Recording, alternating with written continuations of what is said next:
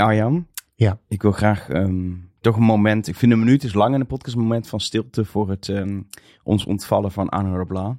Dat snap ik. Die is verdwenen in de haarscheurtjes van de HSL-viaducten. Ja, ze dachten dat die klein waren, maar heel Arno past. ja, precies. Nee, we, we zullen maar voordat we officieel openen meteen zeggen, Arno is er, eh, is er niet bij. Nee, Ehm, want wij nemen dit op een, nou, vrijdag klein- 26 januari. precies een kleine week voordat het online komt. Heeft alles te maken met altijd, zeker als we een gast hebben. We hebben een gast. We hebben een Met, gast. met planning. Mhm. Ehm, eh, en vandaag is, eh, eh, eigenlijk gisteren is er nieuws naar buiten gekomen over snelheidsbeperking op de HSL. En Ja. dat, is, dat nieuws is, wordt flink opgepakt door de media. En het schijnt dat Arno officieel ook nog een baan heeft naast de spoorkast. Hè? Is hij woordvoerder bij NS. Wat? Dat is en ook, heeft hij ook nog HSL ergens dan blijkbaar in zijn portefeuille. Die hele HSL, de hele, gewoon ja. uit zijn portefeuille. Is zitten ongelooflijk. allemaal haarscheurtjes in zijn portefeuille tegenwoordig. en viaducten. Ehm, en eh, die is, eh, hij is, eh, hij is druk. Ja. Ik, ik denk zelfs, ik gok Arno ken dat hij gewoon nu met Wouter Koolmees of zo dingen aan het doen is. Hè? Ja, dat is, dat Oh ja? Dat is de grote bij. het nummer van Wouter Kool? Dat denk ik. denk, Waarom is die man dan nog nooit een gast geweest bij de spoorkast? dat is een goed punt. Dank je. Dat zullen we dat buiten de uitzending eens Ja, aan Arno vragen. Ja, gaan, we, gaan we nu gewoon Gaan we beginnen. Ja.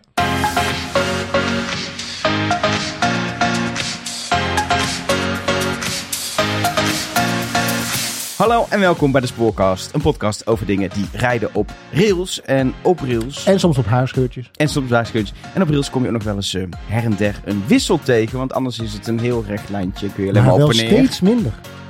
Steeds minder. Ste- je komt steeds minder wissels tegen. Oh, Ja. maar dat is jammer. Wissels zijn leuk. Hé? Nee, ja. Dat piept en dat kraakt. ja, precies. Dan word je eh, lekker zo. Zeker als je boven in een firm zit, word je zo eh, lekker op en door neer geschud. Door de coupé geflikkerd. Precies. Dan kun je van de ene vier zitten naar de andere vier zitten aan de overkant. Zonder energie te gebruiken. Precies. Dat is super efficiënt Dat is super efficiënt. Ehm, eh, en we gaan het vandaag specifiek ook hebben over die, eh, over die wissels. Want we hebben Klaas Hofstra eh, te gast. Klaas, welkom. Dankjewel. Eh superleuk om elkaar Arno ook te leren kennen voor jou. Daar keek je naar uit, weet ik. Precies. Dat- Hele dag verpest. maar ehm eh, eh, jij bent... eh, wa- wat, heb jij, een- wat is je officiële titel? Want je bent ingenieur, je werkt bij ProRail. Wat is je officiële titel? Ja, heel officieel in het HR-bestand is het programmamanager, dus daar heb je niet zoveel aan. Ja, dat zat zo'n dat zat zo'n niksige titel. Ja, inderdaad. er kan alles onder vallen. Maar je, bent, jij bent in je werk gespecialiseerd in logistieke ontwikkeling. Maar ik hoor ook wel eens eh, dat jij eigenlijk gewoon de wisselman bent. Ja, die wisselman, dat weet ik niet. Maar eh, eh, Je weet veel van wissels. zeg maar, wat ik altijd zeg is dat ik in het dagelijks leven ontwerp ik dienstregeling en, en infrastructuur. En daar horen soms wissels bij en, en soms ook niet. Nou, en daar gaan we het straks uitgebreid over hebben. Specifiek wissels, want Arjan zei het al, het worden er steeds minder. En jij gaat ons waarschijnlijk overtuigen dat het wel goed nieuws is. Zeker, Dat het zelfs nodig is. absoluut. Hij gaat er ook een beetje recht voor zitten. Ja, hij is er het, eh, ja. dat doen we straks, want eerst moeten we het hebben over het laatste spoornieuws, de, de actueeltjes. Ja. Ehm, en ik heb wel een actueeltje, Arjan. Ik weet Oh, niet ja? of je het hebt gehoord, maar er zijn snelheidsbeperkingen op de HSL. Oh ja? Ehm, Is dat zo? we hadden natuurlijk al eh, eh, de, het viaduct bij Rijpwetering, eh waar haarschutjes in zaten, waardoor er minder hard gereden moest worden. Ja. Ehm, eh, dat, daar wordt aan gewerkt dat het uiteindelijk opgelost wordt. Maar er werd ook onderzoek gedaan, is dit niet een issue op meer van dit soort viaducten? Want ze hebben zeg maar bijna een soort copy-paste gedaan van het ontwerp van dat viaduct. Nog een stuk of negen die er ook zo uitzien, waar de kans wel groot was van misschien is daar ook een probleem. Nou, er zijn dus ook die, volgens mij zijn het officieel dan beginnende haarscheur. Nou, in ieder geval, Nou, ja, ik ben geen expert op dat gebied. Ik, ik We maken niet- er ook een beetje grapjes over, maar het is wel een ernstig verhaal. Precies, want dat kan doorscheuren en dan heb je wel een probleem. Ja. Ehm, dus eh, eigenlijk op eh, bijna al die viaducten geldt nu een snelheidsbeperking. Ehm, en toen werd er aangekondigd dat daardoor kunnen we gewoon de dienstregeling niet rijden. Dus er rijden minder HSL-treinen. Dat was Ja. op donderdag. Op vrijdag kwam het nieuws naar buiten. Nee, we gaan toch alles rijden, alleen ja, met vertraging. Ja. Ehm, en dat is volgens mij nu de situatie. Maar verder weet ik het ook niet. En dacht ik, misschien kunnen we even bellen met een woordvoerder. Van ProRail. Ja, of van NS, want die rijden treinen. En dat is wel, die weet dan zo. hoe het in het belang van de reiziger Dat is zeker en daar zo. doen we Ja, toch ja, voor ja, uiteindelijk in het leven. Dus ik heb toevallig het nummer van een woordvoerder van de, van de NS. Die kunnen we wel even gaan bellen. Dat is eh, Arno Leblanc. Die heeft Oh. waarschijnlijk dan de HSL in zijn portefeuille. Dat hoop ik dan. Dat zou kunnen. dat hij Die er maakt een weet. podcast over het spoor, heb ik wel eens gehoord. Die weten best wel Oh, veel voor de. NS. Nee, voor, gewoon... Nee, laat maar. Ja, ja, ja. Voor de buiten. Voor zijn hobby. Hallo. Jij bent, eh, jij bent Arno Leblanc die, die bij de NS werkt en een, een podcast over treinen heeft. Zeker. Ja, nou, wat dat leuk. ben ik. Nee, wat leuk dat je Ja, wel hè? even kunnen bellen. Want je bent, we hebben het al net gezegd, maar je bent een beetje opgeslokt door de haarscheurtjes. Ehm, Ben je in een haarscheurtje gevallen, vroegen we ons af. Nee, dat Ah, oké. gelukkig niet. Nee, nee, nee, nee, nee dat, dat valt mee. Nee, ik zit, eh, ik zit in de trein, jongens. Oh, maar die in rijdt een, eh, gewoon. in een- Deze wel, ja. Nou, ze rijden allemaal gewoon, trouwens. Ja, wat hoe Maar, zit het? eh, ja, leg Wil het je even dit uit. Ik zit in een prachtige? In een prachtige SLT zie, zit ik. Maar die, die rijdt niet over de hogesnelheidslijn. dat Althans, niet. alsnog niet, hè. Ik wou zeggen, die op zich... Het is dat hij geen Met 120 km heeft per uur zou ik, denk, kunnen. ik weet niet of hij ERTMS aan boord heeft, maar anders zou het verder kunnen qua snelheid. Dus eh, Ja, dat, eh, dat is waar. Ja, ja, ja. Ja, nee. Nee, eh, vooralsnog niet. Maar ehm, nee, jongens. Ja, ik zit er middenin, inderdaad. ja, we hebben het al heel kort over gehad. Eh, ehm, bij nog meer, veel meer viaducten dan alleen Rijpetering zijn, zijn beginnende haarscheurtjes geconstateerd. Ehm, en Ja. eh, dat, nou, dat betekent dat je gewoon heel langzaam mag rijden. Ehm, en dat is een probleem op Ja. een lijn waar je eigenlijk heel snel wil rijden. Dat is de, dat is de samenvatting, toch? Ja. Ja, en eh, nou ja, kijk, dit is een probleem voor onbeperkte tijd. Dus het, volgens mij is nog niet helemaal duidelijk hoe dit opgelost moet gaan worden. En ehm, ja, kijk, waar je mee zit is, eh, als je natuurlijk eh, normaal eh, hebt voorzien dat je, nou, met, met de, de trakstreinen, hè, dat zijn niet met die locomotief, dat je daar 160 mee kan rijden. Maar met de ICNG natuurlijk 200. Ja, je moet ineens terug vanaf van, 100, eh, van eh, 200 naar 120 en dan ook nog naar 80 ja, dan ga je gewoon vertraging oplopen. En dat eh, zal zeker een minuut of vijf eh, zijn. En dat blijft dus voorlopig nog wel even. En ja, dat is dus ook lastig, want het is even kijken hoe dat het dan gaat. Want als op een gegeven moment de treinen elkaar in de weg gaan zitten, ja, dat kan natuurlijk niet. Nee, Dus dan zul je misschien moeten besluiten om er eh, toch eh, treinen planmatig tussenuit te halen in plaats van hap-snap. Maar dat, wat, dat is. Donderdag kwam het nieuws dat dat gebeurd zijn. Ze denken, dit kunnen gewoon Ja. niet meer. Dus we halveren die, die Incity Direct eh, eh, dienstregeling. Toen kwam Ja. eh, vrijdag het nieuws. Nou, dat is het zo. moment Zal dat ik, we. even, zal, ik even, zal ik even een tijdlijntje doen? Oh, dat is oh, nu komt het. Ik oh, schrijf ik mee. van tijdlijnen. Ja, let's go. We hebben op eh, donderdagmiddag de 25e was dat, eh, is dit, de- ja, zijn ze op controle gegaan, is dit naar boven gekomen. En dan zegt ProRo gewoon heel simpel, oké, eh, het moet nu terug naar 120. Eh, alleen op dat moment eh, moest de, alle machinisten die daarop rijden, die moeten dan gebeld worden door de verkeersleiding. En die moeten dan zeggen, hey, waar rij je nu? Oké, je rijdt nu daar. Oké, dan moet je daar, moet je dadelijk 120 gaan. Nou, dat is natuurlijk totaal inefficiënt. Eh, maar dat was gisteren wel het geval. En daarop is gewoon besloten: oké, dit schiet niet op. We halen er gewoon de helft van het aantal IC-direct-treinen, die halen we eruit. En dat is toen gebeurd. En toen is ook dat nieuwsbericht gekomen van minder treinen. Eh, nou, vervolgens eh, hebben ze in de avond eh, of in de nacht. heeft ProRail dat in het systeem gezet, hè, gewoon het beveiligingssysteem, ERTMS. Waardoor machinisten dat nu gewoon zien op hun computer. Ah, vanaf hier moet ik minder hard rijden. Nou, en toen was de vertraging ook wat minder. Is het al, dan werkt het wat efficiënter dan hou je ongeveer een minuut of vijf over. En toen is er gezegd, weet je wat, we gaan gewoon alles rijden. Dan gaan we even kijken hoe dat, dat loopt. Nou, dat is bekeken en op zich, het loopt.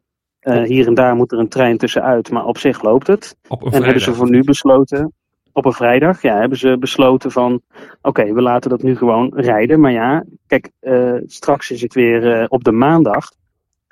Ja, dat weten wij nu nog niet. Tegen de tijd dat je de podcast luistert misschien wel. Maar dan moet je weer, dan zijn er weer meer reizigers. En als er meer reizigers zijn, ja, dan kun je ook weer wat meer vertraging oplopen.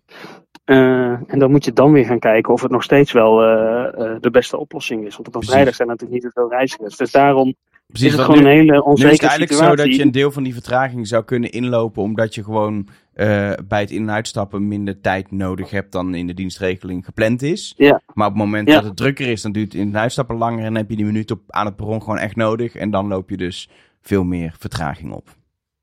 Ja, precies. En, eh, ja, en, en deze situatie gaat gewoon nog, ja, met een beetje pech, gewoon nog echt maanden eh, duren. Dat is niet en goed, dat is, hè? eh, nee, dat is niet goed. Dat is even Nee. een understatement, maar dat is wel echt gewoon heel veel. Wat, wat natuurlijk, wat je meteen ziet, wat, re- wat reizigersorganisaties ook zeggen, en wel terecht, het is een hoge snelheidslijn. Daar betaal je een toeslag voor op je ticket. Maar Ja. je weet nu gegarandeerd al dat je, dat je vijf, misschien wel tien minuten vertraging hebt. Misschien zelfs meer vertraging, omdat de treinen tussenuit vallen. Nou, als je genoeg vertraging Ja. hebt, dan krijg je geld wel weer terug op een gegeven moment na eh 30 minuten. Maar zeker als jij gewoon, nou ja, zeg 10 minuten tot, eh tot eh eh 20 minuten vertraging hebt, omdat er misschien nog een Het trein wordt wel steeds meer. Zo net was het ongeveer vijf, toen werd het vijf tot tien en nu zitten we al op twintig. Nee, maar als een trein tussenuit valt, dus dan is er een kwartiertje geen trein. Ja. Dan, Oh, zo. dan is, Nee, maar Elke, da- dan is het raar dat je een toeslag betaalt. Ja, ja, nou, ik moet, alle, alle- als er ook maar een probleem is op de HSL, dan wordt dat geroepen door reizigersorganisaties. Heel, heel- daar sta ik niet heel erg van te kijken. Maar het zit namelijk iets anders zoals jij nu zegt. Ehm, eh, je mag namelijk, als je volgens mij al bij 15 minuten eh, vertraging, mag je de toeslag al eh, terugvragen. Al eh, geld terugvragen, zeg maar. Dus daar, ja, daar is NS al behoorlijk coulant in. Eh, of die toeslag er nou helemaal van afgaat. Kijk, het is niet de, de, lijn is niet alleen sneller, maar ook een stuk korter. Hè? Je bent als je over het normale spoor tussen Amsterdam en Rotterdam moet, dan moet je via Haarlem en Leiden en dan ben je. Dan zou je een toeslag voor moeten betalen? Je gebruikt meer infrastructuur. en die treinen maken meer kilometers en meer afgeschreven. Oh, wauw. Ja, Dit is een nee, eh, ja. categorietje omdenken. Ja. Ja, nou, de, ja, ik zal het eens voorstellen. Maar ik weet niet of mensen daar heel positief over, eh, over worden. Nee, maar ja, dus het, het, dat, dat, dat, eh, dat kan al heel snel. Eh, binnen een kwartier, of als je al meer dan een kwartier vertraging hebt, eh, kun je al, eh, kun je al eh, die toeslag in ieder geval alvast terugvragen. Dus daar zijn we al heel coulant mee. En ehm, ehm, ja, het is nog steeds wel zo, ondanks dat je dan vijf minuten vertraging hebt, of misschien iets meer, maar het is dan, dan ben je nog steeds wel echt een stuk sneller dan, eh, dan eh, over de normale lijnen hoor. Maar eh, wie weet of dat er nog van gaat komen. Er is nu nog niks over besloten in ieder geval. Nee. Nou, wat leuk. We hebben weer een meerdelig feuilleton te pakken. Want dit is natuurlijk, als het, dit gaat maanden duren, zoals jij al inschatte. Dat denk ik ook. En, Misschien eh, wel langer. Misschien Ja. wel langer. Dus we kunnen in ieder geval iedere maand een HSL-update eh Ja. eh, Ik, ik. Nou, ik- en geloof maar, ik, ik weet niet Arjan, jij zult het beter weten dan ik. Maar hier, zal, hier zullen ze bij ProRail intern ook wel van balen, is mijn gok. Ik- er staat, dat ik- er staat ja, niemand op de nee. planken, denk Nee, ik. Allemaal een niet. feest. We kunnen met, eh, Ja. met, eh, met lekker lage snelheid over een viaductje heen. Nee, het is, eh, Nee. het, is een, het is natuurlijk een pijnlijk, eh, pijnlijk ding. Ook omdat, zoals jij vorige, vorige maand ook in de podcast zei, uiteindelijk ProRail dat ding natuurlijk niet gebouwd heeft, maar Rijkswaterstaat. Nee. Ehm, Ja. Dus het is, ook een, het, is, het is daarin ook een hele lastige van, ja, wie, hoe, hoe, ga je, hoe ga je nou met schuld om? En eh, de, iedereen begint natuurlijk te roepen en boos te worden, maar waar... Ja, maar het gaat, ga volgens mij is fase 1 is de oplossing. En dan, sch- de, Ja. de schuld is, Nou, is succes ermee. voor Toch? daarna. Het is, eh, je, je zit daar met, wat is het, negen kunstwerken, waarvan de vijf nu eh, volgens mij eh, een probleem Kunstwerken, hè? Ook mooi. Kunstwerken, ja, zo heten die dingen dan in de Je bedoelt gewoon viaducten en bruggen, die bedoel je. Ja, en tunnels. Ja, is ook maar een kunstwerk. Arjen werkt bij maar, ProRail, dan is het een kunstwerk. ehm, Ja, ja, ja. Dus net zoals het de HSL Zuid Noordsectie is. Terwijl ik denk, de HSL Zuid, de HSL Oost is al nooit gebouwd. Dus noem het gewoon de HSL. En dan de noordkant van de HSL of zo. Zoiets. Ja, want het is tussen, alleen tussen eh, Hoofddorp en Groene Harttunnel. Hè? De, Vooralsnog. aan de- Ja, maar dat is wel, eh, het is een ja. stuk van 17 kilometer geloof ik. Dat is best Ja. wel veel Ja, maar hoor. Ja. Ik heb wel een soort van... Maar ik zat gisteren namelijk in een Intercity eh, nieuwe generatie over de hoge snelheidslijn te, tijdens de problemen. Dus ik heb echt... Ik heb, eh, wat Jij hebt het ervaren? Ja, ik heb eh, risico genomen. Onze verslaggever die zocht het uit. Ja. Maar dan eh, merk je dus inderdaad dat ter hoogte van eh, na het eh, viaduct Rijpwetering, waar dus het probleem oorspronkelijk was, dat hij daarna gewoon vol gas geeft en een jenkje alsnog met 200 km per uur richting Rotterdam. Ja, maar dus dat- daarbuiten... dat- maar dat ik ook te Op denken, heden hè. in ieder geval. Zoals kijk, Klaassen net zei, van je weet natuurlijk niet... Als dit langer duurt, het, de hoop of bedoeling is dat natuurlijk dat er steeds meer ICNG's uit de fabriek komen en gaan rijden. En dat we langzaam van die traks af kunnen. Kan je met een ICNG, doordat die op de tussenstuk sneller kan, weer een deel van die vertraging ongedaan maken. Waardoor je uiteindelijk je dienstregeling Nou. Klaas. Heb ik ook nog wat slecht nieuws over. Het vervelende is dat we per december hebben we natuurlijk een nieuwe dienstregeling bedacht. Waarin onder andere de Airport Sprinter gaat rijden. Hè. Dat is een vrij groot landelijk herontwerp. En in die dienstregeling is al rekening gehouden met 200 km per uur. Omdat die nieuwe treinen dat Precies. kunnen, is daar ook het plan op gemaakt. En van 200 naar 120 kost meer tijd dan van 160 naar 120. Oftewel, met de nieuwe dienstregeling dat we echt de ICG's gaan gebruiken waar ze voor bedoeld zijn, wordt het probleem eigenlijk groter. Ja, want je hebt hier, je hebt Nou, die, er is geen lucht in de eh, dienstregeling, want hij is de op woorden uit de 200 en, de, en, en de snelheidsverandering is groter. Precies. Ja. Dus eigenlijk wordt het, dan kun je het helemaal niet meer rijden. Exact. En dat is vooral het probleem waar we nu mee bezig zijn. Maar kunnen we dan niet heel... Heb ik oplossing. We trekken heel snel de Noord-Zuidlijn door naar Schiphol. Ja, ik ben komende voor. half jaar. En dan kunnen we die Airsport printers afschaffen. En dan hebben we dit probleem. niet. Ja. Nee, ja, dat is een beetje het idee. Alleen dan, Meer voor- wissels dan voor op de ASL. 2040. hey Arno, eh, eh, dank. Heel veel succes. We hadden nog één laatste vraag aan jou. Heb jij het telefoonnummer van Wouter Koolmees? Eh, ja, dat heb ik wel. Ja, Oh. Zie je, hij heeft het. Ja, dat dacht, heeft het wij, wij dachten het al. Ja, dat we vermoeden al. het Ja, ja. Ja, oké, goed om te weten. ja bedankt hè. maar ik heb ook jouw telefoonnummer, Elger, en die van Arjan. En, eh, Ja, maar wij zijn... Je hebt toch wel in de hiërarchie van het spoor... heb je, heb je Wouter Koolmees. Ja? Oh ja? Dat is Dat, boven, die is ergens in de bovenaan. heel... Oh, ja? is die boven? Je Ja. wil zeggen dat Wouter Koolmees boven mij staat? Ja, en dan Oh. heb je Klaas Hofstra. Ja. Dan heb je heel lang niks. Dan heb je Arjen Spoormans. En dan heb je nog een tijdje niks. En dan heb je Elge van der Wel. en waar staat Arno eigenlijk hier in dit verhaal? Ja, die staat blijkbaar... Hij heeft het nummer van... van ja, van, die staat wel echt heel dicht bij Walt- Precies. Wouter Koolmees dan ook in. Jij hebt het nummer van Wouter Koolmees niet. Dus jij Nee, staat... zeker niet. En wel mijn nummer, dus je staat dichter bij mij dan eh Ja, wel weer het nummer van Klaas ook. Dus jij en staat- ook weer het nummer van Arno. nou, sterker nog, ik ben nu naar hem toe onderweg, jongens. Dus ik zal hem de groeten doen. Nou, doe hem de groeten Doe de van groeten de van de hele spoorkast. ja, zal ik doen. Zo, misschien komt hij wel een keer langs. Zou Nou, leuk daar, zijn, hè? daar hadden wij het net Ja, over. haalt me de woorden uit de Nou, mond. dat had ik niet gedacht, eerlijk gezegd. Vraag het meteen even. Ja. En maar die Klaas eh, klonk als een hele verstandige man, Dat is goed om te hoorde ik horen. net. Want ik dacht precies, precies dat wilde ik zeggen. Dat, eh, jij zei van de ICNG eh, lost veel op, maar het maakt het probleem eigenlijk alleen maar groter. Nou, mocht ik Dus, nog een baan zoeken, dan... eh, Ja, nou, je bent welkom. We moeten even zaken doen. eh. Hey Arno, tot volgende maand. Tot volgende maand. Yo! Hoi. Zo hebben we toch ons, ons, ons hoopje Arno gehad. En ik heb... eh, eh, Ons hoopje Arno. Ons hoopje, Alsof het zo'n drol is die normaal nee, ons, onze eh, shot. Oh, ja, onze precies. shot Arno ja, bedoelde ja, ik. ja. Eh, en goed, zometeen is Arno ook gewoon in de reportage. We gaan straks op pad en dan is hij Is er hij er opeens wel. weer? Dat Ja, is ongelooflijk hoe dat kan. hè. Ja, ja, ja, ja. Maar eerst heb jij ook nog nieuws, want er is nog wel ruimte voor. ja, een klein beetje, zoals altijd natuurlijk. Ik zal het kort houden. Ik wilde heel even terugkijken op het winterweer. Want we hebben natuurlijk weer winter Ja, maar weer je kan niet halverwege de winter al gaan terugblikken op het winterweer. Nee, maar de- het afgelopen winterweer. Want Het hebben januari het- winterweer. het- het- we hebben sneeuw gehad. Daar zijn wat storingen door ontstaan. Ehm, en, ehm, eh, maar voor de rest, het is een hele tijd heel koud geweest en zo ook natuurlijk. Maar toen heeft het spoor zich redelijk gehouden. Dus ik weet dat er, dat er een hele dag is waarop, of een ochtend is waarop eh, in Amersfoort problemen waren. En bij, bij, bij op de Zuidtak ergens eh, bij Amsterdam en zo nog wat wisselstoringen waren. Ehm, maar er waren rest, ook nog stroomstoringen her en der, maar dat was niet per se door het winterweer. ook dat had je, hadden we natuurlijk als eh, actueeltje kunnen doen. Ja, we Ehm, hebben ook nog een, we maar- hebben ook nog een snelheidsbeperking eh, door een spoorinstabiliteit bij uh, Culemborg. Die hadden we ook nog als eh Die hadden we actueeltje ook kunnen nog als doen. actueeltje kunnen doen. Ja, Het inderdaad. hele spoor valt uit elkaar. Dat is eigenlijk de samenvatting. Maar met het winterweer is het eigenlijk vrij beperkt gebleven. Qua redelijk goed gegaan. Nou is er ook niet heel veel sneeuw gevallen. Dus ik begrijp de woede over die eerste ochtend waarbij de Amersfoort eh, grotendeels eh, op zijn gat ging. Eh treinverkeer daaromheen, dat begrijp ik wel. Maar daarna hebben we volgens mij prima van een redelijk betrouwbare dienstregeling. Ja, Limburg heeft wel nog wat issues gehad op die woensdag daarna. Ja, er is nog een boom op het spoor Eh, gelazen. daar hebben ze op een gegeven moment best wel treinen uitgehad. Was het rond Eindhoven was het ook Ja, een beetje is- ballen hoor. Er is toen preventief één halve treinserie uitgegooid. Oh Ja. ja, ja. Maar toen gebeurde er- nog iets bij rond Eindhoven, waardoor Ja. het uiteindelijk wel die ochtend echt, eh was echt magertjes werd. keer. Ik weet het niet meer precies, maar het was, het was mager. Nou, net als dit actueeltje. Oh, dit was het ook? Ja, wat Dit- mij betreft wel. Wat mij betreft kunnen we door. Klaas, heb jij nog iets actueels?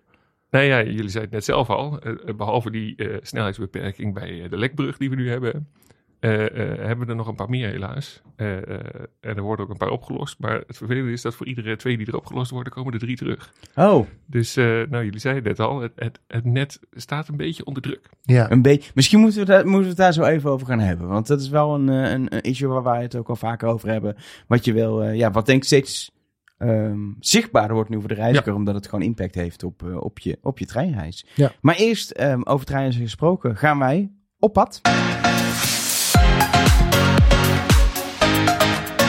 Iedere maand gaan wij in de spoorkast op pad naar een station om te ervaren wat voor station het is. Hoe zijn het voorzieningen? Hoe ziet het eruit? Is er nog iets bijzonders architectonisch of een bijzondere lijn die er langs komt? Precies, eigenlijk is het, zoals je van een station mag verwachten, een soort je lobby naar je product. Het is eigenlijk de, de rode loper die je uitlegt voor, eh, voor het reizen per trein. Als het, als het een mooi, fijn station is, dan ben je eerder geneigd om in die trein te stappen. Dus voel je als treinreiziger welkom, serieus genomen en op waarde geschat. Dat is eigenlijk iedere maand het onderzoek wat wij doen. Precies. Heel waardevol. Ja, en ehm, op het ene station merken wij, is dat beter dan het andere. Eh, maar eigenlijk zijn wij er wel achter gekomen deze maand dat het in Nederland, zelfs bij de stations waar ze zeggen, het is niet per se Matig. heel leuk.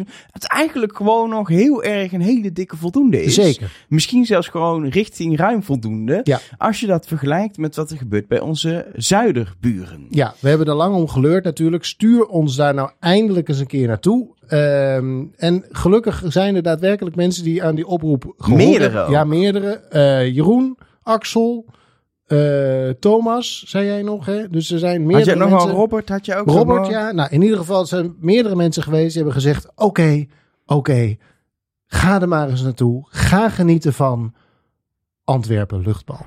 Daar kijk je dan ruim drie jaar naar uit. Een reportage vanaf een van de lelijkste stations waar ik ooit doorheen ben gereden. En nu dat ik ben uitgestapt, Antwerpen luchtbal. En op het moment dat ik de reportage wil openen, rennen Arjan en Arno weg. Omdat ze de ICNG langs zien komen. god, het was zo'n hoogtepunt. Vond je niet, Arno? Dit is toch waar voor je gekomen? GB, dan wil je toch, dat is Ja, toch wel bijzonder. nu op de plaat. Met het, met het bordje van de naam van dit station. Heb je die al verteld?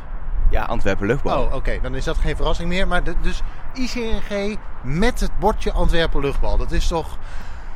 De dag is het nu al waard. Jongens, je hebt hier spoor 1 tot en met 6. Je hebt hier zes sporen. Maar eh, even hoor, er stopt hier, zover ik weet, één keer per uur, in ieder geval nu, we zijn in het weekend, één keer per uur een trein. Ja, En verder knallen er allemaal treinen doorheen. Ja. Het zit naar Nederland, eh, de, de Eurostars, de... Nou, ja, dat, de- De Taliso Star. nee, dat is ook Eurostar tegenwoordig. Dat, al het snel, snelle treinwerk, dat knalt er doorheen. Maar volgens Ja. mij stopt hier eh, eh, bijna niks. Eén ja, keer per uur. trein naar, naar Puurs. Ja, dat is, de, dat is dezelfde, de andere Oh, kant dat op. is heen en weer. Oh ja, precies. Ja. Nee, dan is dat het. Puurs Roosendaal, die Ja. lijn. En er is, ligt hier een bak perrons. 1, 2, 3, 4, 5, Maar misschien 6 is het door de week wel. In de spits is het wel erg beter misschien. En er komt ook heel veel internationaal verkeer. Je wil de flexibiliteit hebben. Denken ze in België dat dat handig is? Het is een internationaal station, jongens. Ja, het is zo, ja. Ja. Maar even, dus in theorie zou je kunnen zeggen inderdaad... op het moment dat Antwerpstraal eruit eh, ligt... dat je al je eh, treinen die over de HSL rijden... laat stoppen op Ja. luchtbal. De capaciteit Ja. In de perronlengte misschien... nou, die is ook lang. Nou ja, je kunt hier een stevig eh, emmertje hardlopen. Ik weet niet of je dat in emmertjes doet, maar bij deze. Ik wil iets benoemen wat wel mooi is, wat ik hier mooi vind. Oh. Dat is, kijk, je, zi- je hebt daar mooi die bruggen zo. eh, dat, is, dat is wel mooi. Ja, het uitzicht is mooi. Uitzicht is mooi. Ja. Verder de is het hier vreselijk. Laten we eventjes vertellen wat we zien. We zien een eh, we zien eh, vrij, nou ja, goed, bestrate perrons. De bankjes zijn buiten de wachthokjes geplaatst. Niet allemaal. Hier, Niet hier zijn bankjes oh, in. oh, oh ja, precies. Ja. Ja. Er zijn in totaal per perron zijn er twee wachtruim, overdekte wachtruimtes. En voor de rest waai je hier op een onwaarschijnlijke manier uit je verschoning. Heb ik het zo mooi verteld? Ja, maar ik denk wel dat wat je vergeet is dat je uitkijkt op bijna, nou, plattenbouwachtige architectuur. We zijn niet eens in Duitsland. Plattenbouw? Ja, dat, dat zeg maar Oost-Duitse architectuur Lelijk lijkt het. Ja, dit Flats. is wel... Ja, Je dit- kijkt uit op de snelweg, De gele M. Graffiti. eh, op heel veel graffiti. Maar je kijkt ook, in, als je die kant op kijkt, een beetje zo elementen van de skyline van Antwerpen. Je staat best wel, ja, op wat, wat geluidsschermen die het een beetje hinderen en een of ander lelijk nieuwbouwgebouw. Eh, Kun je, kun je best wel, als je een beetje op tenen staat, Jawel. of op het dak van een wachthokje, Nou, dan kun je- je ver kijken. Wat, wat, je denkt, wat ik denk dat heel leuk is als je een keer naar Antwerpen gaat, is dat je hier uitstapt. Ervan uitgaan dat je via Roosendaal gaat met die koekblik waarmee wij ook zijn aangekomen. En dat je dan hier het station uitloopt en dan kun je via Haven City, zeg maar, Havenstad, hoe, eh, dat Ja. heeft ook een naam hier, ik weet niet precies hoe.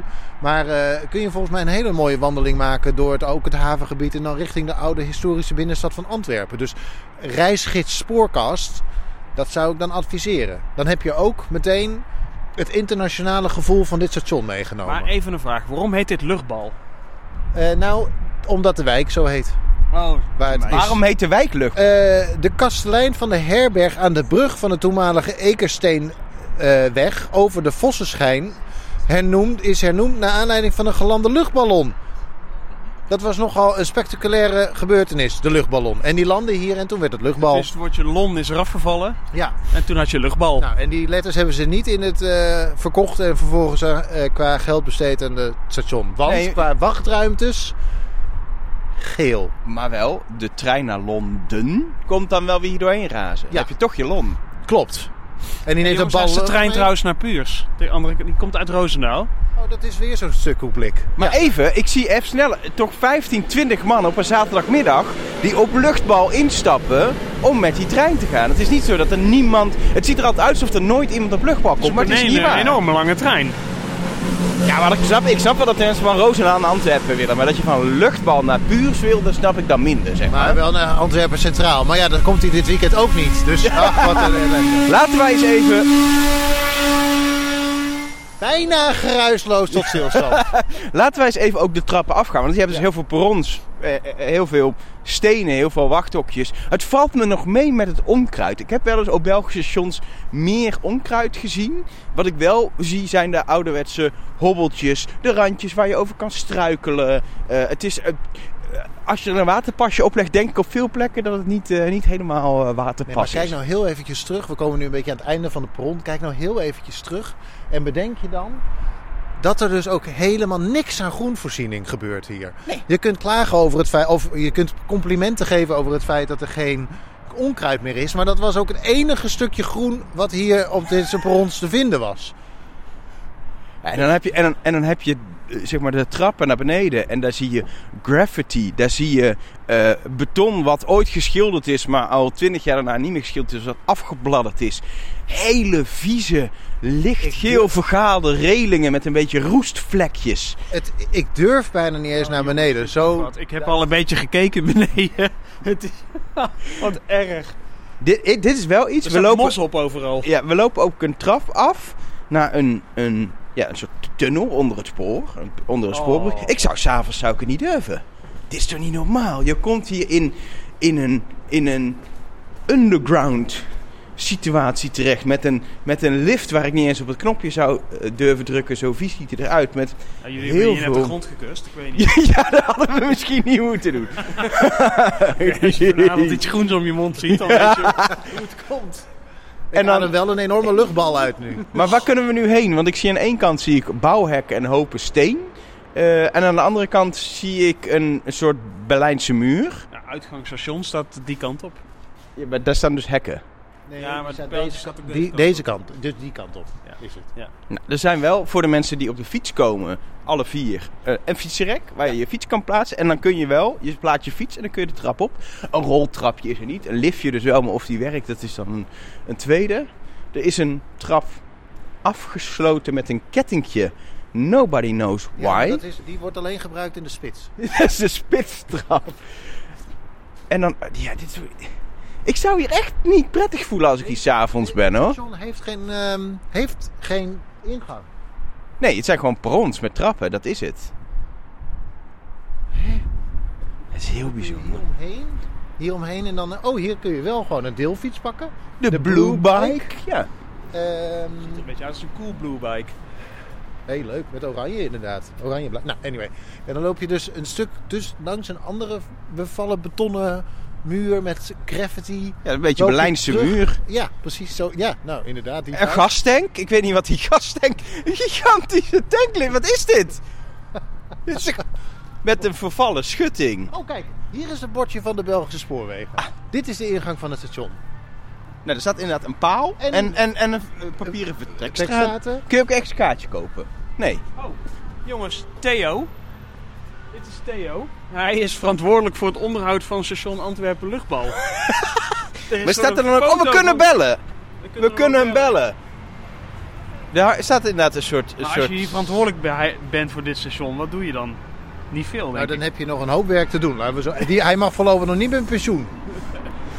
Ongelooflijk. We lopen het station uit en dan komen we bij een gigantische, drukke, vierbaans weg. Met tramrails, een, een benzinestation. Ehm ja. Ja. Ja. Kijk, je zegt wel eens over Nederlandse eh, stations dat ze misschien niet de meest bruisende stationsomgeving hebben. Maar dit is heftig.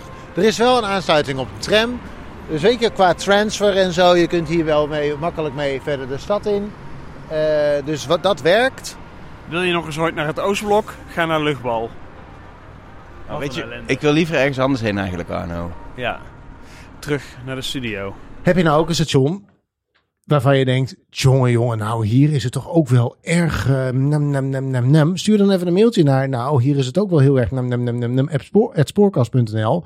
Of dit station is ook waanzinnig lelijk, maar ligt niet in België, maar in Duitsland, spoorkast.nl. Of ga nou naar dit station, want hier voel ik me als reiziger echt serieus genomen, spoorkast.nl. Je kunt ons met alles mailen, stuur ons eventjes kort bij waarom we daar naartoe moeten. En wie weet hoor jij hem binnenkort wel in de eerstvolgende aflevering van de Spoorkast.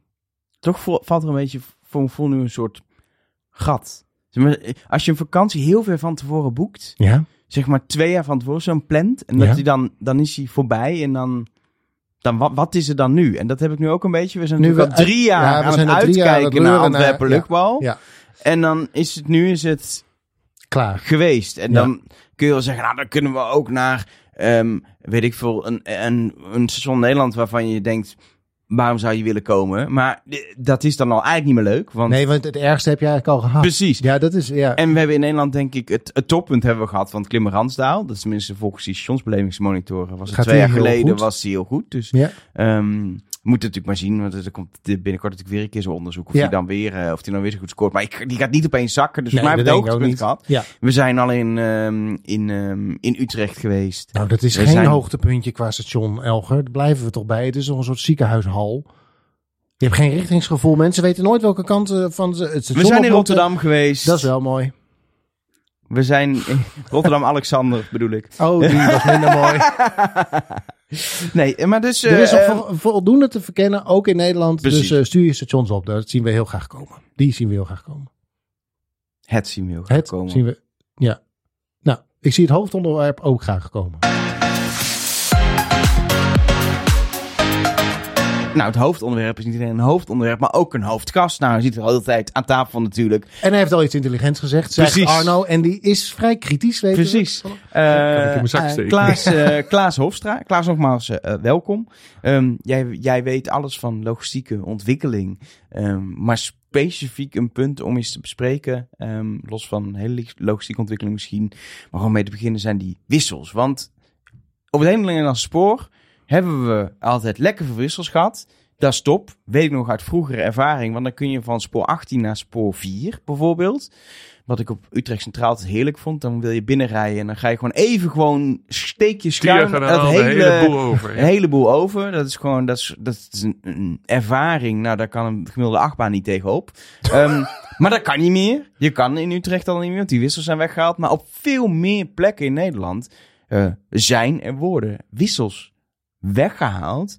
Ehm, en begreep ik van Arjan, die mij van tevoren hier ook over verteld heeft en er ook in zijn werk wel eens mee bezig is, dat het spoor daar beter van wordt. Ja. Dat snap ik niet, want je haalt je flexibiliteit weg. Zeker. Allebei waar. Ja, precies. Tot nu toe gaat het goed. Nee, ja, Wat is een wissel? Zullen we daar eerst eens even mee beginnen? Waar is er een ding voor aangelegd? eh, eh, wat is een wissel? Ja. Nou, ik denk dat de gemiddelde luisteraar dat nog wel weet, of niet? Maar waarvoor, waarvoor liggen die dingen daar Nee, om van het ene naar het andere spoor te komen. Ja, Of om van één spoor twee sporen te maken, of van twee vier. Eh, eh, dus een paar van die dingen heb je altijd sowieso nodig, anders wordt het een beetje ingewikkeld. Ook omdat je zeg maar, met een trein over het algemeen geen rondjes rijdt. Hè? Eh, in Londen inmiddels ook al niet meer, maar bij ons helemaal niet. Dus je wil ook een keer terug met die trein en dan wil je niet per se over hetzelfde spoor terug. Want dat geeft dan botsingen met de volgende trein die eraan komt. Dus dan wil je over een ander spoor terug. Eh, eh, dus die, die wissels heb je typisch wel op, eh, op een aantal plekken nodig. Dus nul wissels zal het niet worden.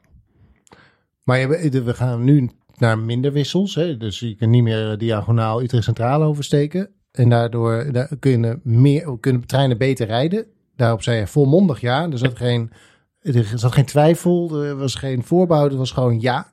Waarom is dat? Nou ja, wat je ziet is dat, het is wel eens aardig, je hebt die site eh, sporenplan.nl. Eh, eh, en daar staan natuurlijk de sporenplannen op, zoals we die nu hebben. Maar er staat ook een, een hoofdstukje sporenplan uit 1965 op. Het is heel aardig om een keer te kijken. Dan kun je gewoon de plattegronden zien van een station met precies. waar welk spoor ligt. Ja, dus Ja. dan kun je gewoon 1965 vergelijken met nu. En als je dat bijvoorbeeld doet voor Amersfoort of Eindhoven of Amsterdam Centraal, dan is het best wel schrikken, want er is namelijk niks veranderd. Dat wil zeggen, er is een perronnetje bijgebouwd, maar verder zeg maar in de structuur hoe de wissels liggen, is niet zoveel veranderd.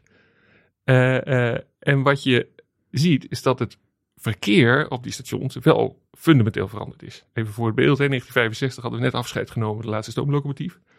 Eh, had ieder dorp of iedere stad had nog zijn eigen goederenterminal. Eh, en waren de frequenties van de reisgestreinen natuurlijk echt vele malen lager.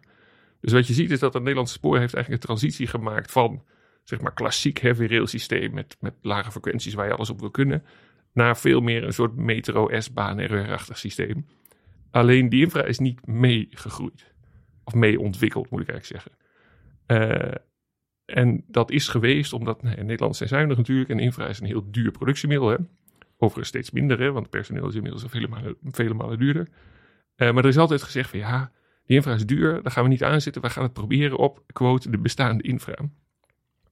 Ehm, en als je met bestaande infra bedoelt, de bestaande vierkante meters die wij tot onze beschikking hebben als spoorsysteem, dan ga ik daar helemaal mee, hè? daar kan nog heel veel mee. Alleen als je bestaande infra echt letterlijk interpreteert als dat wat er nu buiten ligt, en je houdt dat decennia lang vol, dan op een gegeven moment dan heb je jezelf een beetje voorbijgelopen. Eh, en dan probeer je op infra, zoals in Utrecht, waar we vroeger, weet ik veel, wat reden we daar, 20 treinen per uur. Eh, eh, toen hadden we nog een postperron hè, in Utrecht, waar de posterijen nog dingen deden. We hadden nog Utrecht goederenemplacementen, waar allemaal letterlijk wagons gerangeerd werden. Eh, ja, dat gebruik is gewoon totaal veranderd. En als je dan, dan toch op diezelfde infra probeert, dan gaat dat natuurlijk niet passen. En het grootste probleem is van die wissels is dat ze. ze hebben eigenlijk twee problemen. Eén is een fysiek probleem, dat ze in de weg liggen voor twee dingen, namelijk hoge snelheden. Dus je, eh, eh, het spoor, als dat gewoon rechtdoor loopt, is niet erg. En dan kun je er in principe met 300 overheen. Maar zodra er bogen inkomen, wordt het natuurlijk ingewikkeld. Eh, want je wil niet met 300 door een krappe boog, want dan vlieg je eruit. En die wissels maken dat die bogen tussen de wissels, dus waar de wis- wissels niet liggen, krapper worden. Oftewel, als je op Utrecht heel veel wissels eruit haalt, kun je de snelheid op het station ophogen van 40 km per uur naar 80 km per uur. En dat is ook precies wat we gedaan hebben. En als je nu zegt, ja, ja ik vind het eigenlijk toch wel handig om hier nog weer een wisseltje in te, in te pluggen. Dan gaat dat niet, want die bogen die liggen in verkanting. Eh, eh, dus als je in een krappe boog hard wil rijden, dan wordt die boog die verkant een beetje. Hè? Dus dan gaat de trein een beetje scheef hangen, zodat hij lekker hard door de bocht kan. Als je een boog met verkanting een wissel bouwt, dan gaat één poot van dat wissel gaat de vloer in of de lucht in. Zeg maar. dus dat wordt wat ingewikkeld. Ja. Dus als je zegt, ik wil daar per se een wissel, dan moet die verkanting uit die boog en dan gaat eigenlijk meteen de snelheid omlaag. Dus dat is één. Het tweede is dat wissels en seinen zich nogal slecht tot elkaar verhouden. En dat is om de platte reden dat machinisten eh, eh, aan de wissels niet goed kunnen zien waar ze heen gaan. Hè? Als jij 30 wissels voor je hebt liggen, heb je geen idee waar je uitkomt als machinist. Eh, maar die machinist moet wel weten welk zijn voor hem is. Dat is vrij essentieel, want als dat zijn rood is, moet hij namelijk stoppen. En als het groen is, moet hij zo hard mogelijk doorrijden. Ja. Dus we hebben een ontwerpregel dat er tussen een wissel en een sein minimaal 200 meter moet zitten. Oftewel, als je wissels bouwt, je Zodat, eh, zodat de beveiliging kan ingrijpen als die machinist Nee, ernaast nee, gewoon of, eh, zuiver het visuele aspect. Dus dat die machinist gewoon kan zien welk zijn is voor mij. Oké. mhm. Eh, dus dat hij nadat hij door het wissel heen is, nog echt 200 meter heeft om te zien, oké, die is echt voor mij. En dat zijn beeld ga ik dan opvolgen. Hm. Eh, ehm, dus als je in Utrecht 280 wissels neerlegt, dat is wat er vroeger in Utrecht lag. Lagen er 280 wissels? Ja, 280 wissels. In Amsterdam liggen er nog meer, hè. Dan kun je wel raden dat je er niet heel veel seinen meer kwijt kunt. Eh, en het vervelende is dat die seinen nou net de capaciteit op het spoor bepalen. Want tussen twee seinen mag maximaal één trein staan. Dus als je die seinen heel ver uit elkaar zet, eh, kun je heel weinig treinen rijden.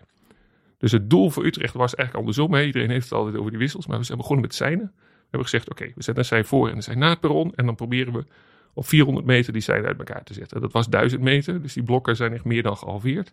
Waardoor je je capaciteit eigenlijk verdubbelt. Hè. Alleen als je dat dan één keer hebt, dan kun je nadat je die seinen geplaatst hebt, die wissels er niet meer tussen krijgen. Want als je dan nog een wissel tussen legt, moet je die seinen weer gaan omhakken. Mhm.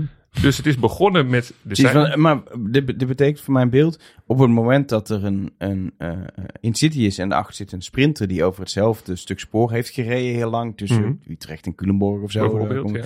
Ehm, en vroeger, weet je, zodra die, die Incity over de wissels naar zijn perron eh, gaat, die komt dan aan op uit mijn hoofd vijf of zeven. Mhm. Die sprinters gaan naar een ander perron. Mhm. Die stoppen niet op vijf of zeven.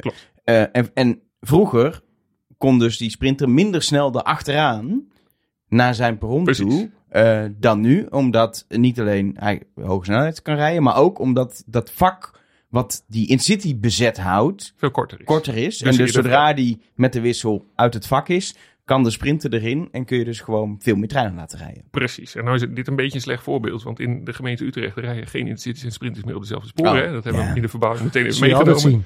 Ja, je wordt ingehaald. Ja, Ja. je denkt dat je veel weet. Maar Nou, dat, is dus, dat, dat is nu, nu liggen de losse sporen worden dus ingehaald. Dat is klopt. Ja. Letterlijk. Ja. Goed. Nee, maar het is precies wat je zegt. Dus die zijn op de vrije baan. Hè? Dus als we even Amsterdam-Utrecht pakken bijvoorbeeld. Er rijden best veel treinen. Intercities rijden daar kort achter elkaar. Hè? Eentje naar Schiphol, eentje naar Amsterdam. Dan weer eentje naar Schiphol, weer eentje naar Amsterdam. Eh, door die seinen korter op elkaar te zetten kun je eh, korter op elkaar rijden. Maar op de, op de baan is dat het probleem niet zozeer. Hè? Daar rijdt trein heel hard. Als je met 140 rijdt, maakt die bloklengte natuurlijk nog wel uit, maar niet zoveel meer. Maar het gaat vooral in het stationsgebied. Dus als je vertrekt uit Utrecht Centraal, dan vertrek je meestal met 0 km per uur. Hè? Want Ja. je moet de reisgezinnen erin uit. Ehm, en juist bij die lage snelheden, dus die trein trekt op van 0 naar 140, maar juist die eerste kilometer, zeg maar, rijdt hij relatief langzaam. En dan wil je dus dat die blokken heel kort zijn, zodat die volgende trein eh er kort achteraan kan. Dus juist in dat stationsgebied is het heel erg relevant dat eh, je veel seinen neerzet. En dat is nou net vervelend, want juist in dat stationsgebied wil je eigenlijk ook die wissels hebben. Dus dat is de zoektocht die wij steeds doen. Hè? Dus de, de- zeg maar de populaire mening is steeds ProRail haalt wissels weg. En wij zeggen nee, ProRail vergroot capaciteit en daarvoor is het soms nodig om die wissels weg te halen. Maar dat verlies je, wat ik eerder zei, wel een stukje flexibiliteit. Zonder meer. Dus op het moment dat er, weet ik veel, een perron niet beschikbaar is, kan niet een trein niet altijd meer Precies. uitwijken naar een ander. Of hij kan naar één perron uitwerken, maar ja, dat perron is ook al heel druk bezet. Ja. En dan kom je ergens klem te zitten. Nou ja, dus wat we voor Utrecht gedaan hebben, dat is wel aardig, want het bestond nog niet, is dat we eh, een bijsturingsfilosofie hebben ontwikkeld. Een bijsturingsfilosofie. Nu komt het. Plato, Ja. Socrates. Ja, Nou, het is best interessant als je infra ontwerpt en je maakt dus een compleet nieuwe infra-layout. Dan wil je wel dat dat ook voor de komende eh, tientallen jaren een beetje goed ligt. Want je wil niet iedere zoveel jaar aan het spoor knutselen. Het is duur en dan moet het buiten dienst en zo, dus daar zit je niet op te wachten. Dus als je iets neerlegt, wil je dat het goed ligt. En wil je dat het ook goed ligt voor als de keer niet volgens plan gaat. Want dat is het verwijt dat we vaak krijgen. Dat ze, ja, jullie maken het heel mooi voor de, voor de geplande situatie. Maar ja, er gebeurt altijd iets. Nou, daar heb ik twee reacties op. Eén, eh, het aantal infrastoringen is met Utrecht Centraal met 85% afgenomen. Dus hoe simpeler je de infra Precies. maakt, want een wissel en een sein, dat zijn allemaal zo'n schoelige dingen. Dus als je daar dingen versimpelt, Dat heb je in enorm. principe minder storingen. Dus ik ben 85%, van, mijn- 85 van mijn probleem ben ik kwijt. Hè? Maar die 15% is er nog steeds. Dus precies wat je zegt. Er kan nog een treindefect gaan. De paar wissels die er nog zijn, kunnen nog steeds storen. Eh, dus daarvoor hebben we gezegd, oké, we maken een bijstuurfilosofie waarin we gaan kijken voor welke situatie willen we eigenlijk die flexibiliteit nog wel hebben. Eh, en dan krijg je precies wat jij zegt. Dat is wel aardig, want zo hebben wij het ook gedaan. Dus het is vrij intuïtief. Oké, er gaat een trein kapot langs het perron. Wat gaan we doen?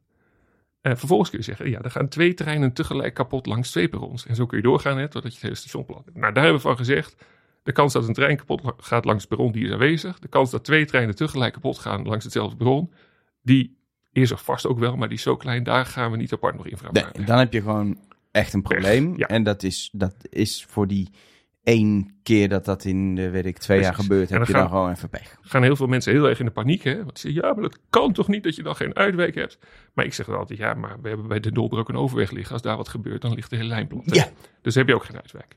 Eh, eh, dus wat we doen is, wat we gedaan hebben, is dus voor heel Utrecht en inmiddels ook voor heel Nederland hebben we al die situaties uitgewerkt. Stel, een trein op spoor 5 gaat kapot, wat gaan we doen? En daar is eigenlijk een criterium bij geweest dat we de PS-dienstregeling, dus de hoogfrequent spoordienstregeling, eh, volledig wilden kunnen blijven rijden. Desnoods met een beetje vertraging. Dus bij 5-7 is de afhandeling dat we gaan indikken. Maar Eh, voor de duidelijkheid, daar stoppen de treinen die vanuit het eh, zuiden komen naar Amsterdam Precies. gaan. Of ze komen ook vanuit Nijmegen deels. Vanuit... Eh, Precies, Ja, naar Amsterdam is de- treinen richting Amsterdam en Schiphol. ja. Precies, de- elke tien minuten. Op Precies, dus maandag alle- met donderdag. Allebei elke 10 minuten als het inderdaad eh, eh, eh, eh, een beetje druk is. Eh, en dat betekent dus bij elkaar 12 treinen per uur. Die 12 treinen per uur moeten dus over één spoor afgehandeld kunnen worden. En dat kan, daar is de, de- het zijn technisch ook op ontworpen. Hè? Dus in principe als 5 eruit ligt, vanwege werkzaamheden of defecte treinen of papierprikken of wat dan ook, kun je in principe alle treinen over spoor 7 Zeg nou, eh, er moeten zelfs 13 per uur kunnen volgens mij. ICE. Er moet één keer, eh, of eh, in de twee uur, zo moet er een ICE tussendoor. Nou, we hebben nog een escape, hè? dat is eh spoor 1415. Dat zijn een beetje onze jokersporen. Sowieso zijn in Utrecht alle corridors vrijgelegd. Hè? Dus als er iets is op één corridor, dan loopt niet met het hele station vast, zoals het vroeger gebeurde. hè. Eh, eh, Ja, corridors en doorgaande treinverbindingen. Dus Ja. Gouda, Utrecht, Amersfoort en eh dus je richting hebt Amsterdam. spoor 1 tot en met 4, dat zijn de buurtsporen. Dat zijn de stoptreinen richting eh, Hilversum Amersfoort. Dat was al zo. Dat was al zo, eh, dat hebben we netjes zo gelaten. Eh 5, 7 en 18, 19, dat zijn de intercity corridors van naar Amsterdam. Eh eh 8 tot en met 12 is de intercity corridors Amersfoort, Gouda, zeg maar. Eh, en dan hebben we dus 14, 15, dat is de sprintercorridor Breukelen, eh Renen. Dat is de rustigste. Maar daar hebben we ook de goederen, eh, lopen ook over die sporen. Dat zijn de goederen van de Amsterdamse haven naar de Betuweroute. Eh en dan hebben we nog 2021, dat is de zogenaamde vleugel, hè, de Randstadspoor zoals het ook wel heet. Waar dus die eh sprinters rijden. Precies, die, dat is, die is er zelfs helemaal bijgekomen eigenlijk. Precies, op het dat moment compleet Utrecht nieuw Centraal werd eh, verbouwd. Ja, en in diezelfde tijd zijn ook de vier spoorheden naar Woerden en naar Houten gebouwd. Dus dat was een, het projectvleugel, zeg maar. Eh, dus op die manier heb je eigenlijk het hele station uit elkaar ge- eh, gehaald. En als dus één van deze... Dat is ook, het wordt wel eens het ontvlechten genoemd. Het is letterlijk eigenlijk Letterlijk zo. zo, Je ja. lotte- nu gewoon losse plukken in plaats van dat het één grote waboe Precies. En in is. principe houden we dat heel stringent aan. Hè? Ook, ook de verkeersleiding heeft hierin meegedacht en voert dit op deze manier uit. Maar op het moment dat er een eh, grotere storing is, kun je ook nog wel wat schuiven, zeg maar. Daarom zeg ik 14, 15 zijn een beetje het jokerspoor. Dus als je naar Amsterdam gaat vanuit Utrecht, weet je zeker, je moet altijd op 5, 7 zijn. En als het een keer iets anders is, dan is het 14. Eh, eh, andere wissels liggen er ook niet, hè.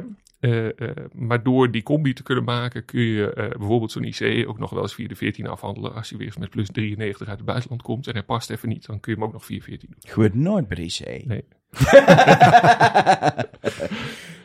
maar dat, maar de, ehm, eh, ehm, wat dat betreft, want het is dus ontvlocht. En je kan niet meer van spoor, spoor, spoor 5 naar eh, zomaar eh, schuin over naar eh, 19, zeg maar. Precies. Ehm, maar kan iedereen naar 1415? Kan elk spoor uiteindelijk naar Nee, 1415? nee. Dus 1415 is, is het, het stoptreinspoor Breukelen eh Renen. Dus dat is rechtdoor, om het zo maar Ja. even te zeggen. Dus als je vanuit Breukelen in de stoptrein komt, je rijdt rechtdoor, kom je over spoor 15 en dan kom je uiteindelijk in Renen uit. Ehm, eh, en 1415 eh, ligt een beetje in het midden. Dus die heeft nog een paar wissels. En die zijn eh, bedoeld vooral voor de opstelterreinen. Want dat is natuurlijk ook nog een dingetje. We hebben in Utrecht drie opstelterreinen. Waar de treinen s'nachts slapen. En, en sommige treinen heel lang slapen, want ik zie daar al heel lang een hele mooie ICNG voor België Precies. klaarstaan. Soms moeten we ook wat treinen kwijt. Die zetten we dan af en toe daar neer. Ehm, eh, maar het is natuurlijk wel belangrijk dat je die opstelterreinen goed bereikbaar houdt. Want je kunt wel heel mooi opstelterrein hebben, maar als je niet kan komen, dan wordt het een probleem. En dat is nou, het verhaal van Utrecht Cartesiusweg. Hè. Dat is natuurlijk een nieuw opstelterrein, gebouwd vlak voor de ombouw van Utrecht. Eh, en door het weghalen van al die wissels is de Cartesiusweg vanaf veel minder perronsporen bereikbaar dan eh, NS graag zou willen. Want ja, ik snap ook wel, vanaf een opstelterrein is het natuurlijk handig als je rechtstreeks naar alle sporen toe Dat kunt. is wel handig. Dat je zegt, nou, de- we, hebben materiaal wat nu eh, naar eh, Rotterdam moet, dus dan moet het op eh, spoor Precies. 9 terecht kunnen komen. Dus wat we daar hebben gedaan is dat we ook die opstelterreinen eigenlijk in die, in die stroom hebben meegenomen. hè. Dus je hebt het opstelterrein Landstraat, dat is typisch voor de buurtsporen. Je hebt het opstelterrein Zuidzijde, OZ. Dat is voor de eh, Amersfoort eh, eh, Gouda corridor. En eh, eh, ook Dus voor iedereen 14, krijgt, ieder- jij krijgt een opstelterrein, jij krijgt een, jij Ja. krijgt een opstelterrein, iedereen een opstelterrein. Komma, Ja. eh, eh, bij het ontwerp was ook een criterium dat alle opstelterreinen onderling eh, rechtstreeks bereikbaar moeten zijn. Dus ik kan van Cartesiusweg rechtstreeks naar OZ en van OZ rechtstreeks naar de Landstraat. Eh, dus die bereikbaarheden zitten er onderling in. Dus als je een keer een trein op verkeerd opstelterrein hebt staan, of je hebt Dan moet je omrijden, dan kun je hem maar heen en weer kan rijden. het Ja, uiteindelijk. Eh, eh, en dat is een hele discussie geweest met NS toen de tijd. Hè? Want ja, het, het, dit kost. eh, want dus, nou, mensen zeggen altijd: ja, maar dit kost efficiëntie op het opstelterrein. En dan gaan we ook niet over in discussie. Dat is gewoon een feit. Dus je opstelterrein, Cartesiusweg, is hierdoor minder efficiënt te gebruiken. En dat is vervelend. Alleen aan zo'n ombouw van Utrecht zitten heel veel aspecten. En die moet je uiteindelijk wegen. En dat maar is dat, altijd, dat is dus continu die, die, die efficiëntie versus flexibiliteit. Ja. Dat, dat, is, dat, is, dat is een... En geld toch ook, denk ik. Nou, Zeker, ja, natuurlijk precies. wel. Ja, maar Ja. dat is ook niet... Dat is niet in regels gegoten. Dat zijn daadwerkelijk keuzes die eh, op basis van... Je kan het allemaal uitwerken en argumenten. Maar je moet op een gegeven moment de keuze maken... eh, hoe vaak komt het voor dat er twee treinen tegelijk langs de perrons Bijvoorbeeld, kapot ja. staan? En accepteren we dat op dat moment we gewoon een probleem hebben. Ja. Punt. Nou, dit zijn precies dus de keuzes die, die wij de hele dag eh, eh, maken. En, Maar- en sommige zijn heel eenvoudig. Hè? Dan kun je op de achterkant van een bierveld uitrekenen. Nou, dit is wel helder.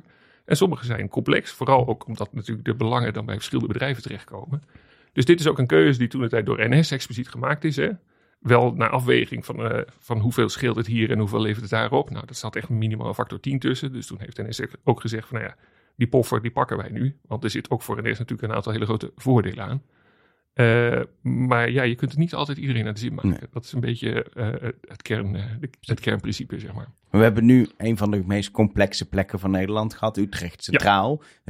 Niet alleen complex qua het sporen, maar ook qua hoeveel treinen er langskomen. Op dit moment gebeurt ja, hetzelfde, tenminste is begonnen met werkzaamheden bij Amsterdam Centraal. Ja. Waar ook eigenlijk hetzelfde trucje, Precies hetzelfde, met ja. nog een paar bruggen om het makkelijk te maken. En wat- Oh, die zijn bij Utrecht ook gebeld, hè, gebouwd. Die hebben natuurlijk die, ont, de, de, die dive unders, die zijn onderdeel Aan de zuidkant, aan, de, ja, aan de zuidkant van. Hadden we die- eigenlijk door Rijkswaterstaat moeten laten doen. Ja. bedacht ja, dat is een me. goed idee. maar ehm, eh, ehm, gebeurt dit ook zeg maar op, in, op, op kleinschaligere punten? Nou, het leuke is, kijk, we we hebben Utrecht en Amsterdam. Dat zijn echt de, de twee hoofdstations van Nederland. Hè? Eh, qua aantal treinen, maar ook qua wat er gebeurt, qua materieelomloop. En, en Amsterdam natuurlijk met internationaal vooral. Eh, eh, dus dat zijn wel echt de- twee kroonjuwelen, om het zo maar even te zeggen. Maar we doen dit op eigenlijk alle plekken in Nederland. Ik heb het even geteld, hè, met Arjen af en toe wel overleg erover. We hebben op dit moment 150 projecten lopen, over een periode van 10 jaar. hè, eh, eh, waarin we sporen en wissels aanpassen. En dat kan zijn, eh, dat, dat loopt werkelijk van Zandpoort Noord eh, eh, via Delfzijl eh, en, en Maastricht tot met Amsterdam Centraal. Hè. Eh, dus dat heb je in alle soorten en maten. En ieder project heeft dan zijn eigen verhaal. Dat vindt Arjan altijd leuk. En dan kan ik weer een mooie anekdote vertellen. Zand- Zeker. Zandpoort Noord is een fantastisch verhaal met het oude perron voor de richting IJmuiden. Nou, ik hoop, nu, nu, nu, Nu begin ik Arjan te horen inderdaad. Dus, eh, eh, maar je ziet eigenlijk, en, dus de, de grote gemene deler is eigenlijk in al die projecten dat die infra er gewoon al sinds vlak na de oorlog of zelfs daarvoor al ligt en er is gewoon nooit wat aan gebeurd. Het is wel netjes onderhouden. Sterker nog, soms iets te netjes. Hè. Zie het perron in Zandpoort Noord. Er ligt keurig een nette witte streep op, terwijl het helemaal geen functie meer heeft. Eh, dus wat, waar wij niet zo goed in zijn geweest de afgelopen decennia, is om, om die infra mee te laten ontwikkelen met hoe het spoorsysteem zich ontwikkelt. Je zit het wel onderhouden dat het niet stuk gaat. Precies. Dat de wissel wel blijft wisselen, zeg Exact. maar. Ja, Maar eh, ehm, er is niet nagedacht over, misschien moeten we het anders inrichten. Want precies. als we kijken wat we nu doen in vergelijking met wat we in de jaren 60 doen, dan is het, andere, is het gewoon een heel andere manier van het spoor gebruiken. Ja. En daar is met name, ik zeg altijd, we hebben drie doelen. Dat is capaciteit, capaciteit en capaciteit. Eh, eh, en hoe je die capaciteit vervolgens inzet, want dat kun je natuurlijk doen door meer treinen te rijden. Je kunt het ook doen door treinen harder te laten rijden, dat ze elkaar minder in de weg zitten. Eh, je kunt het ook doen door te zeggen, ik wil meer buffer in het systeem. Zeker met de huidige punctualiteit is dat misschien helemaal niet zo'n gek idee. Maar hoe dan ook, wij zeggen eigenlijk die capaciteit, als je die eerst maar bouwt in de infra, dan heb je hem voor de komende eh, 10, 30 eh, jaar. En hoe je hem dan in die jaren precies gaat gebruiken. Misschien de eerste tien jaar wel anders dan de tien jaar daarna. Eh, eh, maar die capaciteit zit je altijd om verlegen. Dus als wij binnen, en dat is natuurlijk een beetje het probleem wat we hebben, dat moet altijd binnen de budgetten die we hebben. Want het liefst zou je natuurlijk dan meteen grote projecten doen. En dat je in één keer klaar bent, dat je ook meteen toekomstig beeld OV geregeld hebt en weet ik wat allemaal meer. Eh, maar wat wij doen is binnen onze onderhoudsbudgetten, die we natuurlijk gewoon hebben, eh, proberen dat geld zo goed mogelijk in te zetten. Ja. En in veel gevallen is dat gewoon onderhouden. Eh, Laten we dat niet vergeten. Dus de meeste wissels vernieuwen we gewoon één op één. De meeste spoorstaven, als die einde levensduur zijn, nou, leggen we gewoon precies dezelfde nieuwe spoorstaaf in. Eh, maar in sommige gevallen zeg je, ja, maar wacht eens eventjes. Dit is toch echt niet zo handig hoe dat er hieruit ziet. Eh, en dan gaan we aanpassen. Maar we, we hebben het in, in het begin gehad dat het niet alleen gaat over wissels, maar ook over seinen. Ja. En het eerste wat ik en ik denk, ik, ik dump het niet meteen nu, want dat maakt het verhaal een stuk complexer. Maar ik denk, daar moeten we het wel over hebben.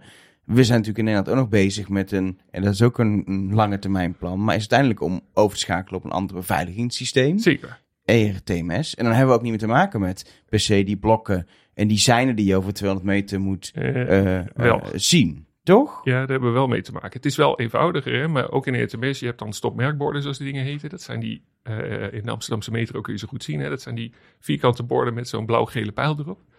Eh, en dat zijn de nieuwe seinen. En je hebt gelijk dat de herkenning van die borden en de plaatsing van die borden veel makkelijker is dan, dan een lichtseinen. Eh, maar je kunt nog steeds in, in een wisselstraat, al uit huidige Amsterdam Centraal, kun je niet willekeurig een paar van die bordjes neerzetten. Want dan weet de machinist nog steeds niet welk bordje nou voor. voor Maar hij heeft of ook in zijn trein een scherm waar Zeker, kan maar zien? dat scherm leidt hem naar zijn bordje toe. In level 2. En level 2 is wat wij voorlopig Ja, gaan bouwen. precies. Eh, dus die bordjes die zijn heel relevant. Dus je hebt daar hetzelfde probleem, wel in mindere mate, maar het is niet weg. En pas als we nog verder zouden automatiseren, kun je op een gegeven moment ook die bordjes weghalen. ja. Maar dan zijn we heel veel jaren, decennia misschien wel. Precies, Ver. daar heb je met name met goederen nog een aantal flinke technologische stappen eh, te maken. En eh, stoomtreinen. Ja, precies. Museum, museummateriaal, Museummateriaal. werktreinen. Maar eh, nog, mag ik nog heel even een stapje terug doen naar wissels? Want het is nu natuurlijk alsof er een eh, voortdurend een soort van kaalslag is. Maar ik neem aan dat er ook nog wel weer eens een keer een... eh, als je het namelijk spoor anders gaat gebruiken, dat je ook, eh, dat je ook wel weer eens wat bijplaatst? Of hoe, Zeker. eh, Ja, ik heb hem in die, van die 150 projecten zijn er inmiddels 75 in dienst. En dan heb ik eens even geteld. Hè. Ik doe hem nu even uit mijn hoofd. En volgens mij hebben we in die 75 projecten 800 wissels weggehaald. En uit mijn hoofd 300 nieuwe wissels gebouwd. Dus Eh, het zijn ple- eh, ple- plekken waar eerder geen wissels lagen en er nu wel liggen. Ja, of, of andere wissels. Hè, dat er bijvoorbeeld een 1 op 9 wissel lag. Dat is een wissel van 40 km per uur eh, afbuigend. Dat we vervangen hebben door een 1 op 15 wissel. Eh, eh, of nou ja, Utrecht. Hè, daar hebben we dus één keer de boel helemaal opgeruimd, aangeharkt en nieuw neergelegd. Maar die wissels die je dan nieuw neerlegt zijn wel andere wissels. Maar dat, eh, je, je hebt 1 op 9, 1 op 15. En je hebt die snelheid, zeg je iets over. Dus Ja. ik gok dat het te maken heeft met dat je wissel neer hebt gelegd waar je sneller doorheen kan Precies, dat is rijden. de hoekverhouding. Ah. Eh, dus eh, zeg maar 1 meter eh, eh, opzij die- heb je 9 meter rechtdoor voor nodig. ik snap Een als je, als je uit de civiele techniekopleiding komt, dat je 1 op 9, 1 op 15 het meteen... Ah ja, Ja, tuurlijk. precies. maar misschien voor de gemiddelde luisteraar dat je denkt, nou... Mijn moeder snapt dit niet. Nee, Nee, precies. Nee, maar nu wel. Ja, dat is mooi. En die, die 1 op 15 die zijn dus langer, hè? Eh, eh, want je hebt gewoon meer, meer meters nodig om, om diezelfde meter opzij te kunnen. En het vervelende is in dat spelletje wat we net deden met van hogere snelheid eh, eh, en boogstralen en, en, en verkanting, zeg maar. Als je langere wissels wilt toepassen, dat is leuk, want dan kun je harder rijden. Alleen die kosten nog meer ruimte in die geometrie om dat in te Precies, passen. dus als je evenveel wissels doet, maar, maar, maar je wil langere Dan wissels... loop je helemaal vast. Dan, ja, Ja. heb je heel veel meer ruimte nodig. Precies. Dan ook. Ja, dan lig je tot Nou aan ja, Maas. eh, lig je Precies, dan moet je de halve stad afbreken. nou, serieus, we hebben bijvoorbeeld voor Hengelo, dat is altijd ons, ons favoriete station, hè, want het zit heel krap in elkaar. Ja, dat is Daar hebben we wel eens een ontwerp voor gemaakt. Maar dan breek je letterlijk de halve stad af. Als je zegt, ik wil met 80, à la Utrecht hè, met 80 km per uur Hengelo binnenkomen. Dan moet je echt de halve stad afbreken. Oh ja? Dus dat is niet van... want kan Hengelo alleen maar beter van worden. Ik ken Hengelo vrij goed, dat kan het alleen maar beter van worden. Hallo lieve luisteraars Ja. uit Twente.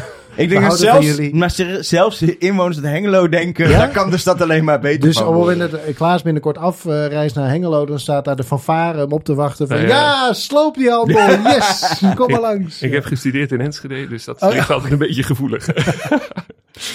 nee, dus dat is, eh, die geometrie-discussie is altijd wel interessant. Hè? Want mensen hebben het altijd over geld. Hè?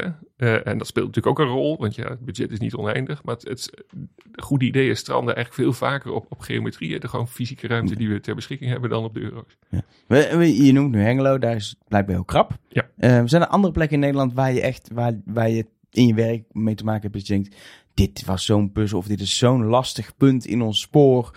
En inderdaad, om, om het verschil te maken, moeten we de stad slopen of eh, eh, moeten we, weet ik veel, iets, eh, een nieuwe polder aanleggen om het plek kwijt te kunnen. Of, of Ja, nee, we zijn wel. Kijk, we hebben op een gegeven moment een tijdje hebben we echt een beetje out-of-the-box projecten bedacht en ontworpen. Maar daar zijn we echt wel een beetje van teruggekomen. Want je gaat al heel gauw, als je echt te veel afwijkt van het bestaande, ga je heel gauw komen in A, heel hoge investeringskosten en B, enorm lastige inpassing.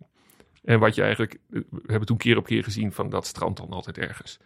Dus ja, het is eh, niet zo sexy en spannend, hè, maar we hebben toen wel echt gezegd van we gaan even wat realistische ontwerpen. Eh, ook voor het toekomstbeeld OV. Hè. Dat is heel erg, dat is wel voor 2040, 2050. Maar wel heel erg gericht op eigenlijk de, zeg maar even grosso modo, de vierkante meters die we nu hebben. En dat is niet heel strikt. Kijk, we kunnen best wel eens nadenken over een lelielijn of, of zoiets. Hè. Eh, doen wij ook wel eens. precies. Ja, wij denken. Of. Utrecht-Breda. Maar je Ja, hebt dat- mannen die, die schijnen mannen denken aan het Romeinse Rijk, maar, eh, eh, zeg maar ik denk vaak aan de lelielijn. Dat is mijn Romeinse Rijk gewoon in mijn leven. Jezus. Sommige dingen hoef je niet te zeggen. Oh, dat Elger. doen we wel.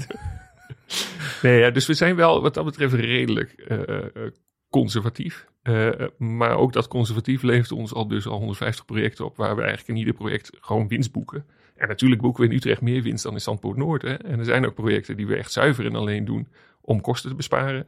Dus als er echt ergens wissels liggen waarvan we zeggen, ja, die worden nooit gebruikt. Of als ze gebruikt worden, eh, eh, leveren ze ellende op. Hè? Eh, roestrijden bijvoorbeeld is zo'n mooi voorbeeld. Als je ergens onderweg op een baanvak overloopwissels hebt liggen, is super handig. Want dan kun je ook linkerspoor rijden. Als er ergens een verstoring is, kun je er omheen rijden. Alleen we hebben wel landelijk in beeld gebracht van hoeveel van die overloopwissels wil je nou hebben.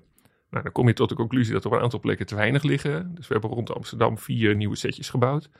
Eh, maar op heel veel plekken liggen er ook te veel. Alleen die wissels moet je wel elke dag een keer roest rijden. Ik wou zeggen, want anders dan eh, komen ze vast te zitten. Precies, dan ontstaat er roestvorming op dat spoor. Hè? En als er roest op het spoor zit, dan detecteer je niet en dan wordt het een beetje onveilig.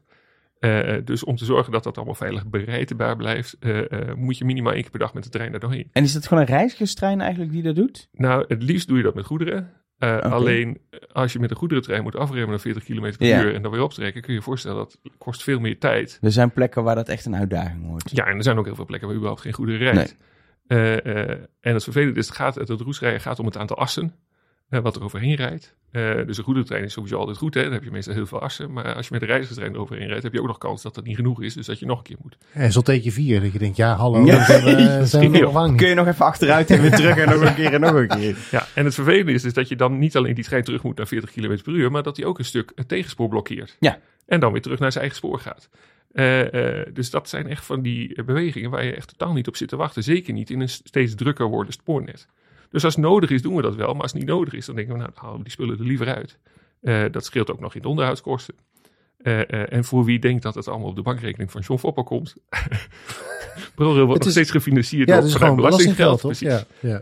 En wat we wel hebben is, is een afspraak met het ministerie van INW dat als wij infra aanpassen op eigen initiatief, dat de besparingen die we daar de komende 15 jaar mee maken, die mogen we gebruiken om in dat project te investeren. Want de kost gaat natuurlijk altijd voor de baat uit. Eh, dus er is een, een soort eh, business case constructie van gemaakt. Eh, eh, dus alle besparingen die wij doen, gaan ofwel terug in de schatkist, ofwel terug in het spoorsysteem. En ehm, ik zit wel eens in zo'n roesrijdtrein. Zeker vanuit Utrecht toen ik nog eh eh nachtdien of eh, late diensten Ja. draaide. Dan had de trein van 10 voor, nee 20 over 11 uit Utrecht Centraal naar Rotterdam. Ging naar Alexander net wat te langzaam rijden. Ja. Want dan deden we nog eventjes een diagonaaltje over Rotterdam-Noord Goederen. Dat, dat, dat is zo- ligt zo'n goederenapplassement. En dan wist je dus dat je gegarandeerd minstens vijf minuten later eh, en als je, thuis dan, was. als je dan op centraal de laatste bus wil halen, dan heb je Ja, een probleem. dan ben je echt het probleem, ja. Dat is, dat is vervelend, Elger. Je kijkt me aan en denkt, Ja. moet ik met deze informatie? Nee, ja, ik zijn, kan me eh, dit helemaal emo- voorstellen. Emotionele zaken. Ja. Ja. En die machinist moet maar gewoon opvolgen als hij de opdracht krijgt, denk ik. Hè? Ja, Dus Ja, niet dat hij dan geen denkt, stuur. eh, nee, Nee. nee, dat gaan we niet doen. Ik heb reizigers. precies. Nou Ah, ja, jij moet zijn bus halen. precies, inderdaad. Nou ja, jij kan natuurlijk voort zijn, zijn trein stilzetten en de verkeersleiding bellen en zeggen, ik ga dit niet doen. Ik weiger. Werkweigering. Ja, Maar dan loop je ook eh, Hij heeft al een geel hesje aan, dus op zich kan hij demonstreren, Precies, toch? inderdaad. Met het bordje ervoor. Ik doe niet meer mee. Ehm, maar de- dan moet die. Stel nou dat de verkeersleiding zegt: Oké, oké, oké. Weet je wat? Ik, dan eh, kan die het zijn herroepen. Dus dan gaat het zijn weer op rood. Ehm, want dan moet het wissel omgelegd worden. Maar dat ligt allemaal ook nog twee minuten vast. Ja. Uit voorzorg. Dus die oude rijrichting die blijft nog twee minuten behouden. Voor als In het systeem. in het maar, systeem. Zo, ja, maar ook de wissel zelf. Die blijven ook nog zo liggen.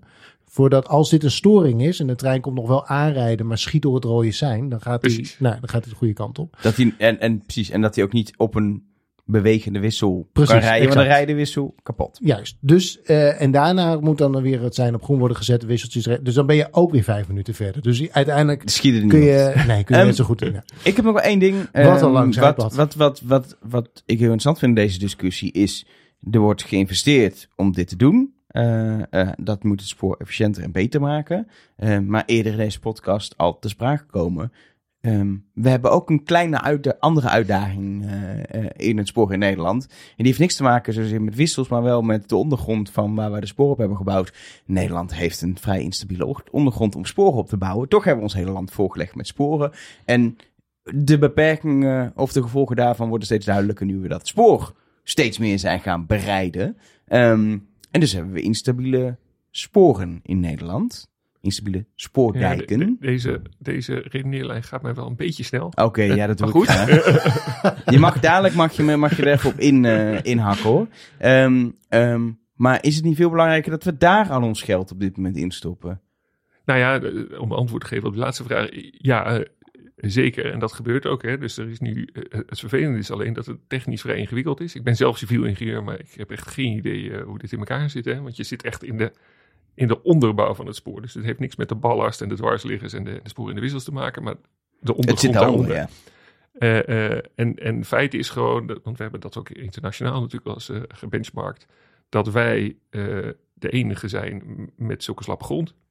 Een beetje slappe grond heb je in andere landen ook wel, maar dat wij dan bovendien nog de enige zijn die dan zoveel treinen op een spoor rijden. En dan ook nog zware treinen.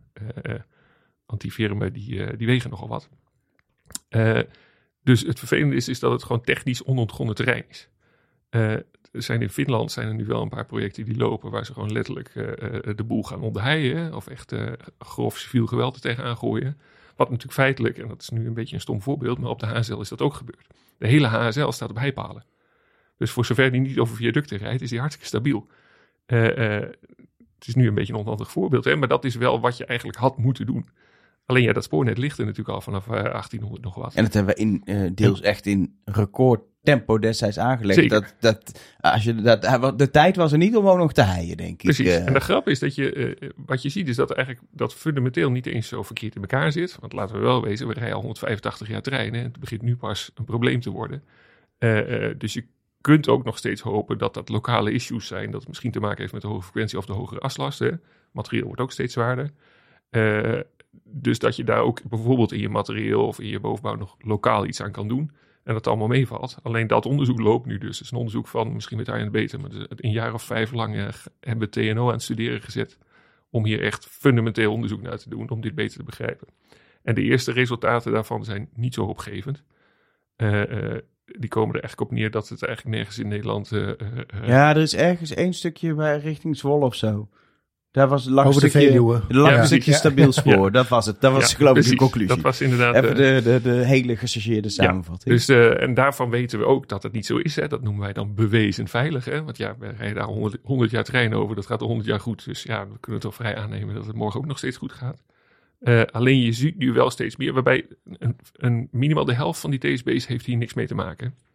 Eh, dus dat is wel even goed. TSB is een tijdelijke snelheidsbegrenzing. Dus een plek waar treinen eh, even langzaam moeten, moeten rijden Precies. om verschillende Reden redenen. X of Y. En meestal wat je ziet is dat er, we hebben bijvoorbeeld de Dassenburg, hè, die, zijn ook, eh, die zijn ook hip tegenwoordig. Eh, we hebben in Zeeland natuurlijk door hele zware regenval ook instabiliteit gekregen. Maar ja, dat is echt een, een lokaal ding met een duidelijk aanwijsbare reden. Eh, eh, we hebben gewoon ook, ook eh, fouten in het spoor zelf. Hè, dat de, de sporen zelf beginnen te scheuren. Nou, dat is gewoon de bovenbouw. Dat kun je gewoon oplossen. Eh, eh, dus een, een heel groot deel van die snelheidsbeperking ligt hier niet aan. Maar een steeds groter wordend deel wel. Eh, Ja, zeker nou, neem, tussen Utrecht en Den Bosch. Ja, daar, hebben ze zelfs geïnvesteerd, heel veel moeite gedaan om het op te lossen. Toen, nou, even een maand later, twee, drie maanden, in ieder geval vrij snel was het probleem terug. Ja. Eh, nu is er op een tweede eh, plek daar een probleem ontstaan. En het voelt een beetje alsof dat kan niet anders dan dat er misschien ook wel een keer nog een derde plekje bij komt. Want het is gewoon Nee, een hele moeilijke grond volgens Precies, mij. dat is een beetje daar het probleem. Ik, ik zei dat ook al van, het is jammer dat er nu een tweede bij komt voordat we de eerste hebben opgelost. Dat geeft niet veel hoop voor de toekomst. Nee. Eh, het gekke is wel daar dat het maar in één richting is. Dat eh, snap ik zelf niet zo goed waarom dat is. Hè. Dus op het spoor van Den Bosch naar Utrecht rijden we gewoon 130. Op het spoor van Utrecht naar Den Bosch zitten nu twee stukken 40 inderdaad. Eentje op het stuk waar inderdaad eh, een paar jaar geleden werkzaamheden waren. En eentje nu dus op een nieuwe plek ten noorden van de, van de brug Culemborg. Eh, maar eh, ja, het is ingewikkeld. Want wat Ar- Arno net ook al even zei, van in de dienstregeling hebben we hier niet de ruimte voor ingeboekt. Nee. En omdat de dienstregeling een vrij groot landelijk samenhangend ding is, hè, moeten we misschien nog een aparte keer op terugkomen hoe dat zo werkt, eh, is het heel lastig om dit in de dienst... Want je zou zeggen, voeg dan gewoon een paar minuutjes in dienstregeling Ja. toe. Alleen, ja, dat is voor het geval van, van Geldermalsen-Culemborg, is dat natuurlijk een trein die rijdt van Enkhuizen naar Heerlen. Eh, eh, die heeft overal aansluitingen te maken. In Enkhuizen is enkel spoor. In Heerlen moeten ze kering halen. In Eindhoven moet er nog een stelletje af of bij. Ja. Als je dan zegt van... nou, Dit wat overstappen weet ik uit ervaring van twee, minuten in de Exact. dienstregeling. eh, Dus als je dan zegt van nou, ik doe tussen Culemborg en Geldermalsen even een paar minuten extra, ja, dat werkt Nee. dus niet. Dan vallen er allerlei dingen om. Eh, eh, en dat kan wel. Hè. We zijn nu met NS ook die analyse aan het doen van ja, we, we moeten wel wat. Hè. We willen ook niet machinisten iedere keer met een dienstregeling op pad sturen waarvan je van tevoren al weet ja, dat je rijdt lekker is. de Utrecht en weet gewoon, ja, dat is leuk, maar gaat toch niet gebeuren. Succes ermee, ja precies. Eh, maar dit is echt wel een lastig probleem. Vooral ook omdat het schiet op een wegend doel is. Dus ik heb letterlijk de donderdag dat het werd aangekondigd dat die TSB, de snelheidsbeperking op de HSL, eh, naar 120 km per uur ging. Ik heb donderdag de hele dag gewerkt met NS aan een dienstregeling voor die snelheidsbeperking van 160. dus toen ik dat s'avonds hoorde, moest ik wel even een paar keer eh, ik even een biertje maar. Ja, dat kan ik me voorstellen. Ja. En dan denk je ook van ja, dan kan ik nu morgen wel weer een dienstregeling gaan maken voor 120. Maar ja, hoor ik dan diezelfde avond weer dat 80 geworden is? Of hoe, hoe zit dit? En dat is bij, bij Utrecht Geldermals ook een beetje. Eh, dus we zijn wel vanuit de logistieke kant heel erg op zoek naar eh, waar gaat dit heen? En, de, en de, dit, wat je zegt, voor elke twee die je oplost, ko- komen er drie bij. dit, dit, iedereen in de spoorwereld heeft inmiddels wel zoiets van, zonder dat per se te weten in de toekomst kunnen kijken. Dit gaat Mhm. een probleem worden waar we de komende jaren eh, last van hebben, waarschijnlijk meer last. Zeker. En dat is iets eh, wat natuurlijk een beetje eh, mijn rol is met mijn collega's om dat niet te laten gebeuren. Alleen, eh, nou ja, wat ik zeg, het is wel een beetje schieten op een bewegend doel nu. Ja. Ja, je, en je kan geen ijzer, geen spoor staven handen met breken, handen ja. breken. Oh, wat mooi. Ehm, nou is eh, een hoop eh, van wat je hier in Nederland in de praktijk bre- brengt, heb je ooit eh, opgedaan in Japan. Heb ik Ja. me laten vertellen. Eh, je hebt ook voor ProRail een blog bijgehouden volgens mij, Onze Man in Japan. Mhm. Eh, hoe, eh, wat, heb je, wat heb je in Japan geleerd wat we nu terug kunnen zien in het Nederlandse spoor? Dus hoe, hoe, hoe, is dit tot stand gekomen? Nou, misschien kort als inleiding. Hè. Ik ben mijn carrière begonnen bij de Franse spoorwegen. En eh, ben toen na een paar jaar via wat omzwervingen... Hoe spraken zij jouw naam uit? Klaas Ostra. Nou, Stra, ja. Eh, bij, eh, uiteindelijk bij ProRail terechtgekomen. En ik verbaas me altijd enorm, en dat geldt in alle Europese landen, dat dat spoorsysteem zo'n nationaal ding is. Het is echt ongelooflijk hoe ieder land bijvoorbeeld zijn eigen veiligheidsregels uitgevonden heeft op het spoor. Terwijl je denkt, ja, die wetten van Newton, die zijn in Duitsland gelden die net zo hard als bij ons. Hè. Ja. Ehm, dus ik heb altijd al zeg maar, eh, een open blik gehad richting andere landen. Eh, en het toeval wil dat mijn vrouw Japanse is, dus ja, dan kom je wel eens in Japan terecht. Eh, en ik heb toen in 2009, 2010 voor het eerst een jaar voor ProRail in Japan gezeten om daar echt een benchmark-studie te doen. Hè. Wat is dat? Nou ja, toen zaten we, 2009 is het jaar dat het kabinetsbesluit, het programma spoor, onder- spoor ondertekend is. En toen zaten we echt met de discussie van ja, we moeten veel meer treinen gaan rijden op dat bestaande net. Hè. En kan dat eigenlijk wel? En in welk land doen ze dat? En dan is het vervelende, als je in Europa voorop loopt, met heel veel dingen lopen we niet voorop, hè, maar met aantal treinen per uh, strekkende meter spoor zijn we echt kampioen in Europa. Uh, dus ja, dan, het enige land wat dat beter doet, tenminste in de, in de regio's rond grote steden, is, is Japan.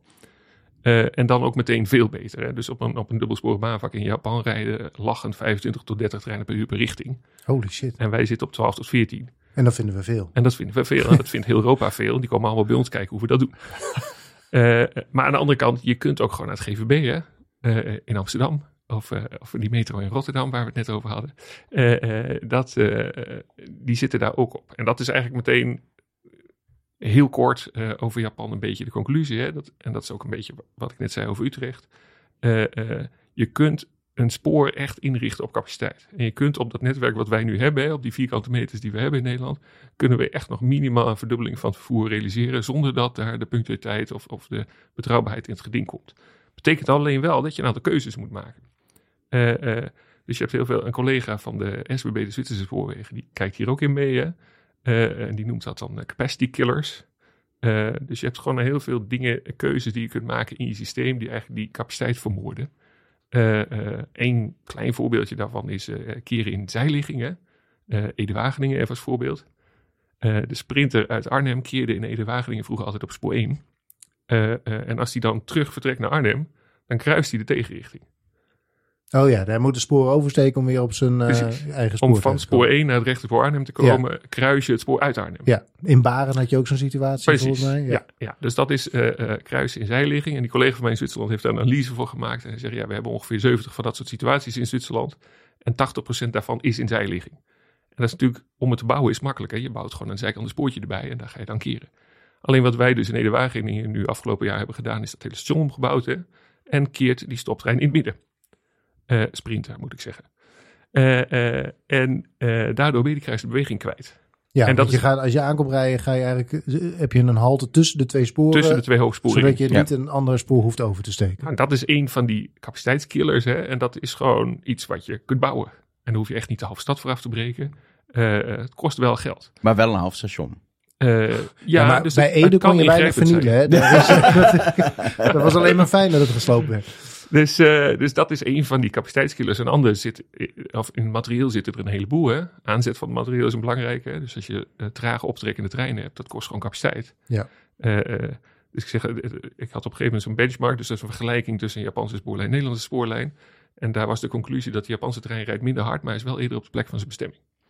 Dus de maximumsnelheid op veel Japanse spoorlijnen is 100, 120 km per uur. Dus ze rijden minder hard.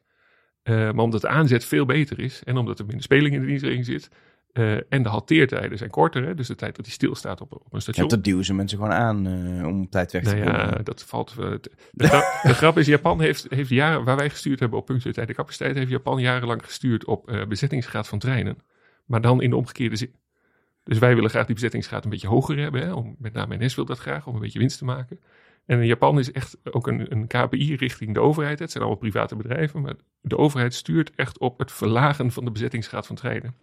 En dat doen ze nu al 20, 30, 40 jaar. Hè? Sinds de jaren 60 is dat een beetje begonnen. Eh, en dat werkt. Dus ze hebben echt op plekken waar, waar die treinen echt uitpuilen, waar je die filmpjes op YouTube van ziet, hè, zijn inmiddels in Tokio al lang nieuwe spoorlijnen ernaast gebouwd of, of hogere en langere treinen ingezet, et cetera, et cetera.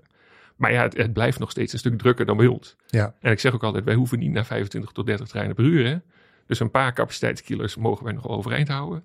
Eh, maar we zullen er echt een paar moeten, moeten slechten. Eh, eh, dus ja, dat materieel is, is een hele belangrijke daarin. Weet je, maar dat, het sneller optrekkende treinen, gelijksvloed, instap, Precies. doet heel veel. Ongelooflijk Eh, hoeveel dat doet. eh, Ja, dus eh, bijvoorbeeld de introductie van SLT eh, eh, toen heeft echt in de een- van de een op de andere maand 2,5% punctualiteit opgeleverd op het landelijke net. Ja, dat was echt gigantisch. Wow. En dat is alleen maar die gelijkvloerse instap en snel optrekken. Ja. En nou is SLT nog niet eens zo heel ideaal. Want ik weet niet of je de kopbak van SLT wel eens hebt bekeken, maar er zit maar één deur in. Ja. Wie dat bedacht heeft, weet ik niet.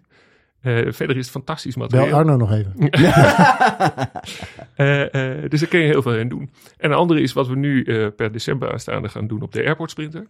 Dat is de halteertijd verkorten. Hè? Dat hebben natuurlijk onze regionale vervoerders doen dat al wat langer.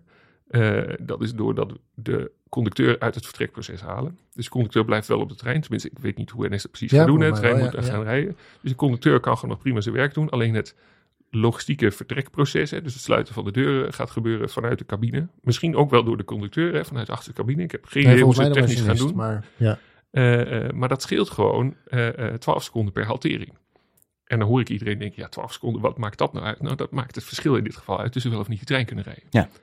Eh, eh, nou, niet die ene trein, maar heel veel per uur kunnen dat, rijden. dat concept van Airport Sprinter werkt alleen maar bij de gratie dat je 30 seconden maar het is ook denk ik de reden waarom een metro toch Precies, de, de, de, de bestuurder gewoon de deuren sluit. Ik draai hem eh, altijd om. Hè. Dus mensen die mij vragen, waarom moet die één mensbediening nou hebben? Wat maakt het nou uit? Ik zeg, nou, draai hem eens om. Hè. Ga eens even bij de RET of bij het GVB een, een man of vrouw met een pet en een fluit eh, bij die deur neerzetten. En dan ga eens kijken wat er gebeurt.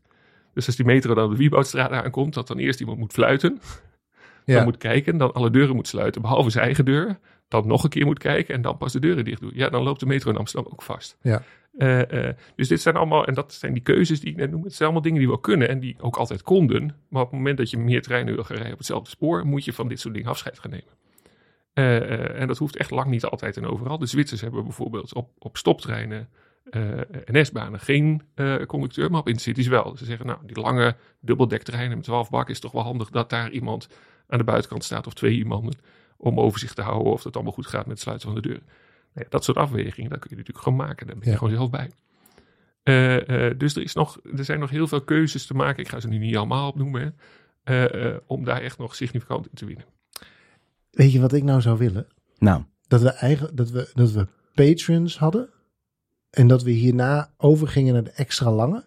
Oh, dat en we dat we dan betalen de gewoon- mensen dat we een Precies, bonus En dat we hebben. gewoon onbeperkt nog verder hierover hadden. Maar we kunnen, ik denk wel, ik weet niet, eh, dit dit gaan we gewoon live vragen, maar vond je het leuk, Klaas? Ja, zeker. Wil je gewoon over een tijdje nog eens doorkomen? Want het is ook weer interessant om het over die hele puzzel te hebben. Want we hebben Ja. het nu natuurlijk over alle eh, eigenlijk voorwaarden en wat impact heeft op die puzzel. Maar de puzzel zelf is misschien wel minstens zo interessant. Ja, mij krijg je niet gek. Ik kan eh, uren, uren praten over Nee, spoor. dat bij of dan deze. nog mensen Ja. luisteren, weet ik niet. Maar Bij deze de belofte, ehm, want dan gaan we dit wel afronden. Klaas keert terug in de spoorkast. Dan kan hij eindelijk ook Gezellig. Arno Blanc ontmoeten. Ja, dat want ook is wel een daar kwam ik voor. Dat, Dat is één handshake, vragen. één phone-nummer away van eh, Wouter Koolmees. Dus, maar heb eh, jij het nummer van Wouter Koolmees? nee, ik heb Nee, niet, nee. nou, Wel van John Fopp? Ja, die heb ik wel. Oh! dat is, dat, is, dat, dat is zijn basis. ja, dat is... me- Ja, ja. Dat is, heb jij het nummer van John Fopp? Nee. Nee, Echt kijk. Nee.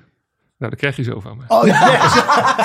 En voor nu alvast heel erg, eh, heel erg bedankt, Ja, Klaas. graag ik, heb Leuk. heel veel, ik heb heel veel geleerd. Ik moet nog allemaal even een beetje, een beetje Ja, maar verwerken. dit is ook wat jij wel interessant Ja, vindt dit volgens vind ik mij, heel hè? interessant. Ja, ja.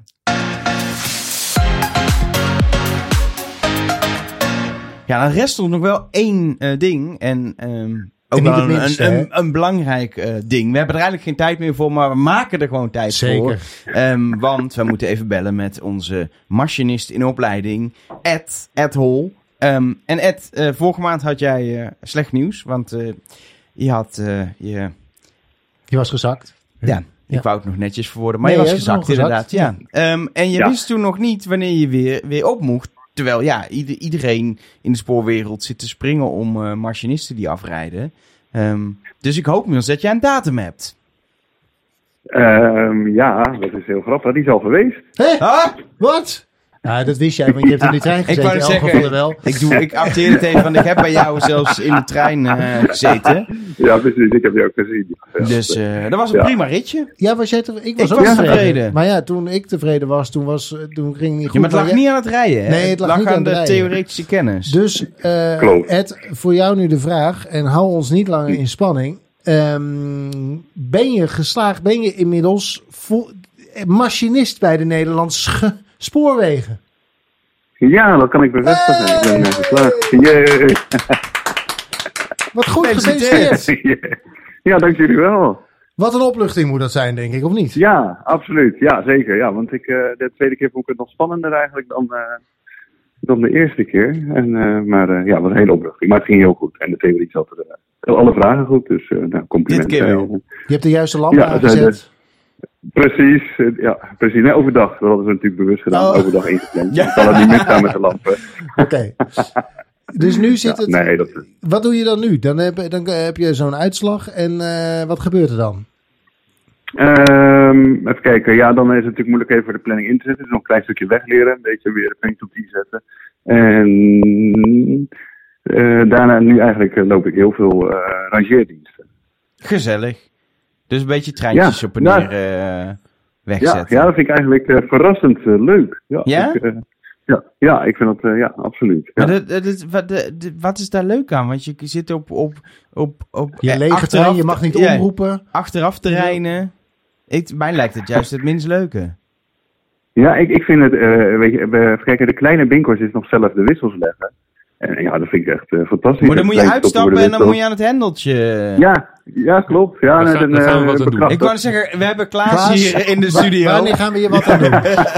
Nee, ik vind dat leuk. Oh, sorry. Nee, ja, nee, als onderdeel van het project Den Haag Centraal, wat, eh, wat nu eindelijk loopt, gaan we ook in elk geval een deel van de kleine Binkhorst eh, centraal bediend maken. Ook omdat het de route naar werkplaatsen Leidschendam is.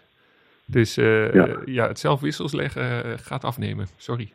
Ja, gaat dat mee. Ja, ja Leidschendam natuurlijk nog. eh is nog zelf wissels leggen. Stukje, ja. Je ziet het ook. Je ziet de voorbereiding van de bedrading en eh, ja, bestorten voor de seinen zie je, zie je staan al. Je ziet de voorbereiding voor de kleine Binkhorst. eh, dat overgaat is CBG, dat zie je al duidelijk eh zichtbaar. Ja. Maar eh, eh, je- bent nu afgestudeerd. Dat betekent dat, dat je nu even... Ja, nu ben je een soort extraatje. Want je was nog niet meegenomen in roosters. Want dat kon nog niet. Het Ja. extra. Het extra. Eh, maar ehm, eh, je gaat vanaf nu dan ergens gewoon mee worden genomen. Dus we- we- de kans dat mensen bij jou in een trein terechtkomen wordt groter. Ja, dat is eh, absoluut waar. Ik zit nu nog, ze vullen me nu nog de week op, zeg maar, met, met diensten die overblijven. Maar vanaf week 6, dan weet ik even niet de datum bij me op, dan ga ik het rooster in. Dus dan krijg ik eh, wisselend eh, rangeerdiensten en Zo. diensten. Zou op 5 februari zijn, denk ik, week 6? Of de week Ja, zoiets. De eerste 12 week, tweede week februari. Ja, Rond de carnaval Ja, ergens. oh, precies.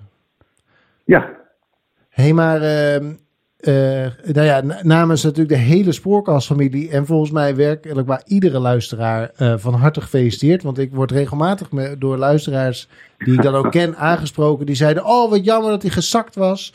Die leeft helemaal met je mee. Dus eh, ehm, je, had een, Ja. je hebt een enorme fanbase opgebouwd. Maar eigenlijk, dus, dus dan loopt nu, kijk ik even naar Elger, loopt een beetje de serie, loopt dan Ja, we, gaan niet meer, af. we kunnen niet meer een machinist in opleiding bellen. Dan die niet meer ople- die niet meer in kan opleiding niet. is. Dat kan wat, niet. wat ik wel eigenlijk vind, is dat we dit nog een... Dit is leuk, gefeliciteerd, je bent Ja, klaar. Maar ik wil een, een kers op de taart, misschien zelfs een letterlijke taart erbij betrekken. Dat jij nog een keer hier in de studio komt. Dat jij gewoon langer dan die paar minuten aan de telefoon is, kan praten over, over dat hele traject nog eens. Maar ook überhaupt over de nitty-gritty details van het machinist eh, zijn. Vind je dat leuk? oh ja. Ja, dat lijkt me heel leuk, absoluut. Dan Ja. moeten we even. Dan is het goed als we. Want we hebben nu toch aan de telefoon. Dat we meteen even zeggen, zullen we dat dan volgende maand doen? Dat, dat, gewoon even gewoon boter bij meteen- de vis. Precies, gewoon meteen een klap erop. Gelijk, eh, de, Ja. nee, eh, hartstikke leuk. eh voel me vereerd. eh, Nou, leuk. Nou, dan, dan gaan de we je volgende maand Ja, niet bellen. Dan was dit de laatste keer dat je gebeld hebt, maar dan zit je volgende maand Gewoon in op de stoel. het Klaas heilige zorgt dat hij warm is. Die Ja. zit er nu op. En dus is Arno er ook weer, hoop ik. En dan gaan we gewoon, eh, gaan we gewoon uitgebreid nog met je doorpraten. Eh, voor nu, eh, ja, geniet. Heb, heb je ook een, heb- krijg je een, heb je een papieren diploma? Ja, heb je, is er iemand die taart heeft Ehm, langsgebracht? nee, dat niet. Ik moet zelf eh, uitdelen aan de dienstverdeling. Oh, Ook eh, een goede zet, want de dienstverdeling gaat eh, ervoor zorgen dat ik prachtige diensten krijg. dat is zo. Nee, ik heb... eh, zo, oh, dit is heel slecht. Ik niet weet hoe dat heet. Ik heb, eh eh, be- hoe heet het nou, bevoegdsbewijzen van eh nettrainen en NS-reizigers gekregen. Dus ik had al een machinistenvergunning, dat was dat theoretische gedeelte. En nu heb ik, eh, ja, van die, wat is het? Ja, rijbevoeg, rijbevoeg. Maar is dat, is dat een groot papier met zilver erop? Of is Eh, het een Een beetje- eromheen en een koord. Dat oude roze rijbewijs, dat kon je, die drie luik, die kon vouwen. Dat, zo ziet het eruit. Oh, echt? Oh. Oh, het is wel een fysiek ding. Wat leuk. Ja, Wat grappig. Nou, neem me mee Ja, neem me mee. maand. Dat Dat vind ik wel wel leuk ik ja. neem ze mee. is goed. Hey Ed, voor nu eh, dankjewel. En eh, nou, tot volgende maand. Tot volgende Ja. maand. Ja, ja, jullie ook bedankt en eh, tot volgende maand. Hoi hoi.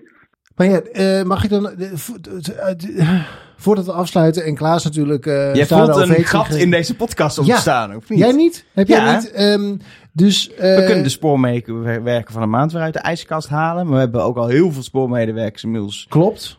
gehad. Dus... Maar er zijn ook nog andere mensen rond het spoor. Kunnen we niet iets met mensen die niet bij het spoor werken doen?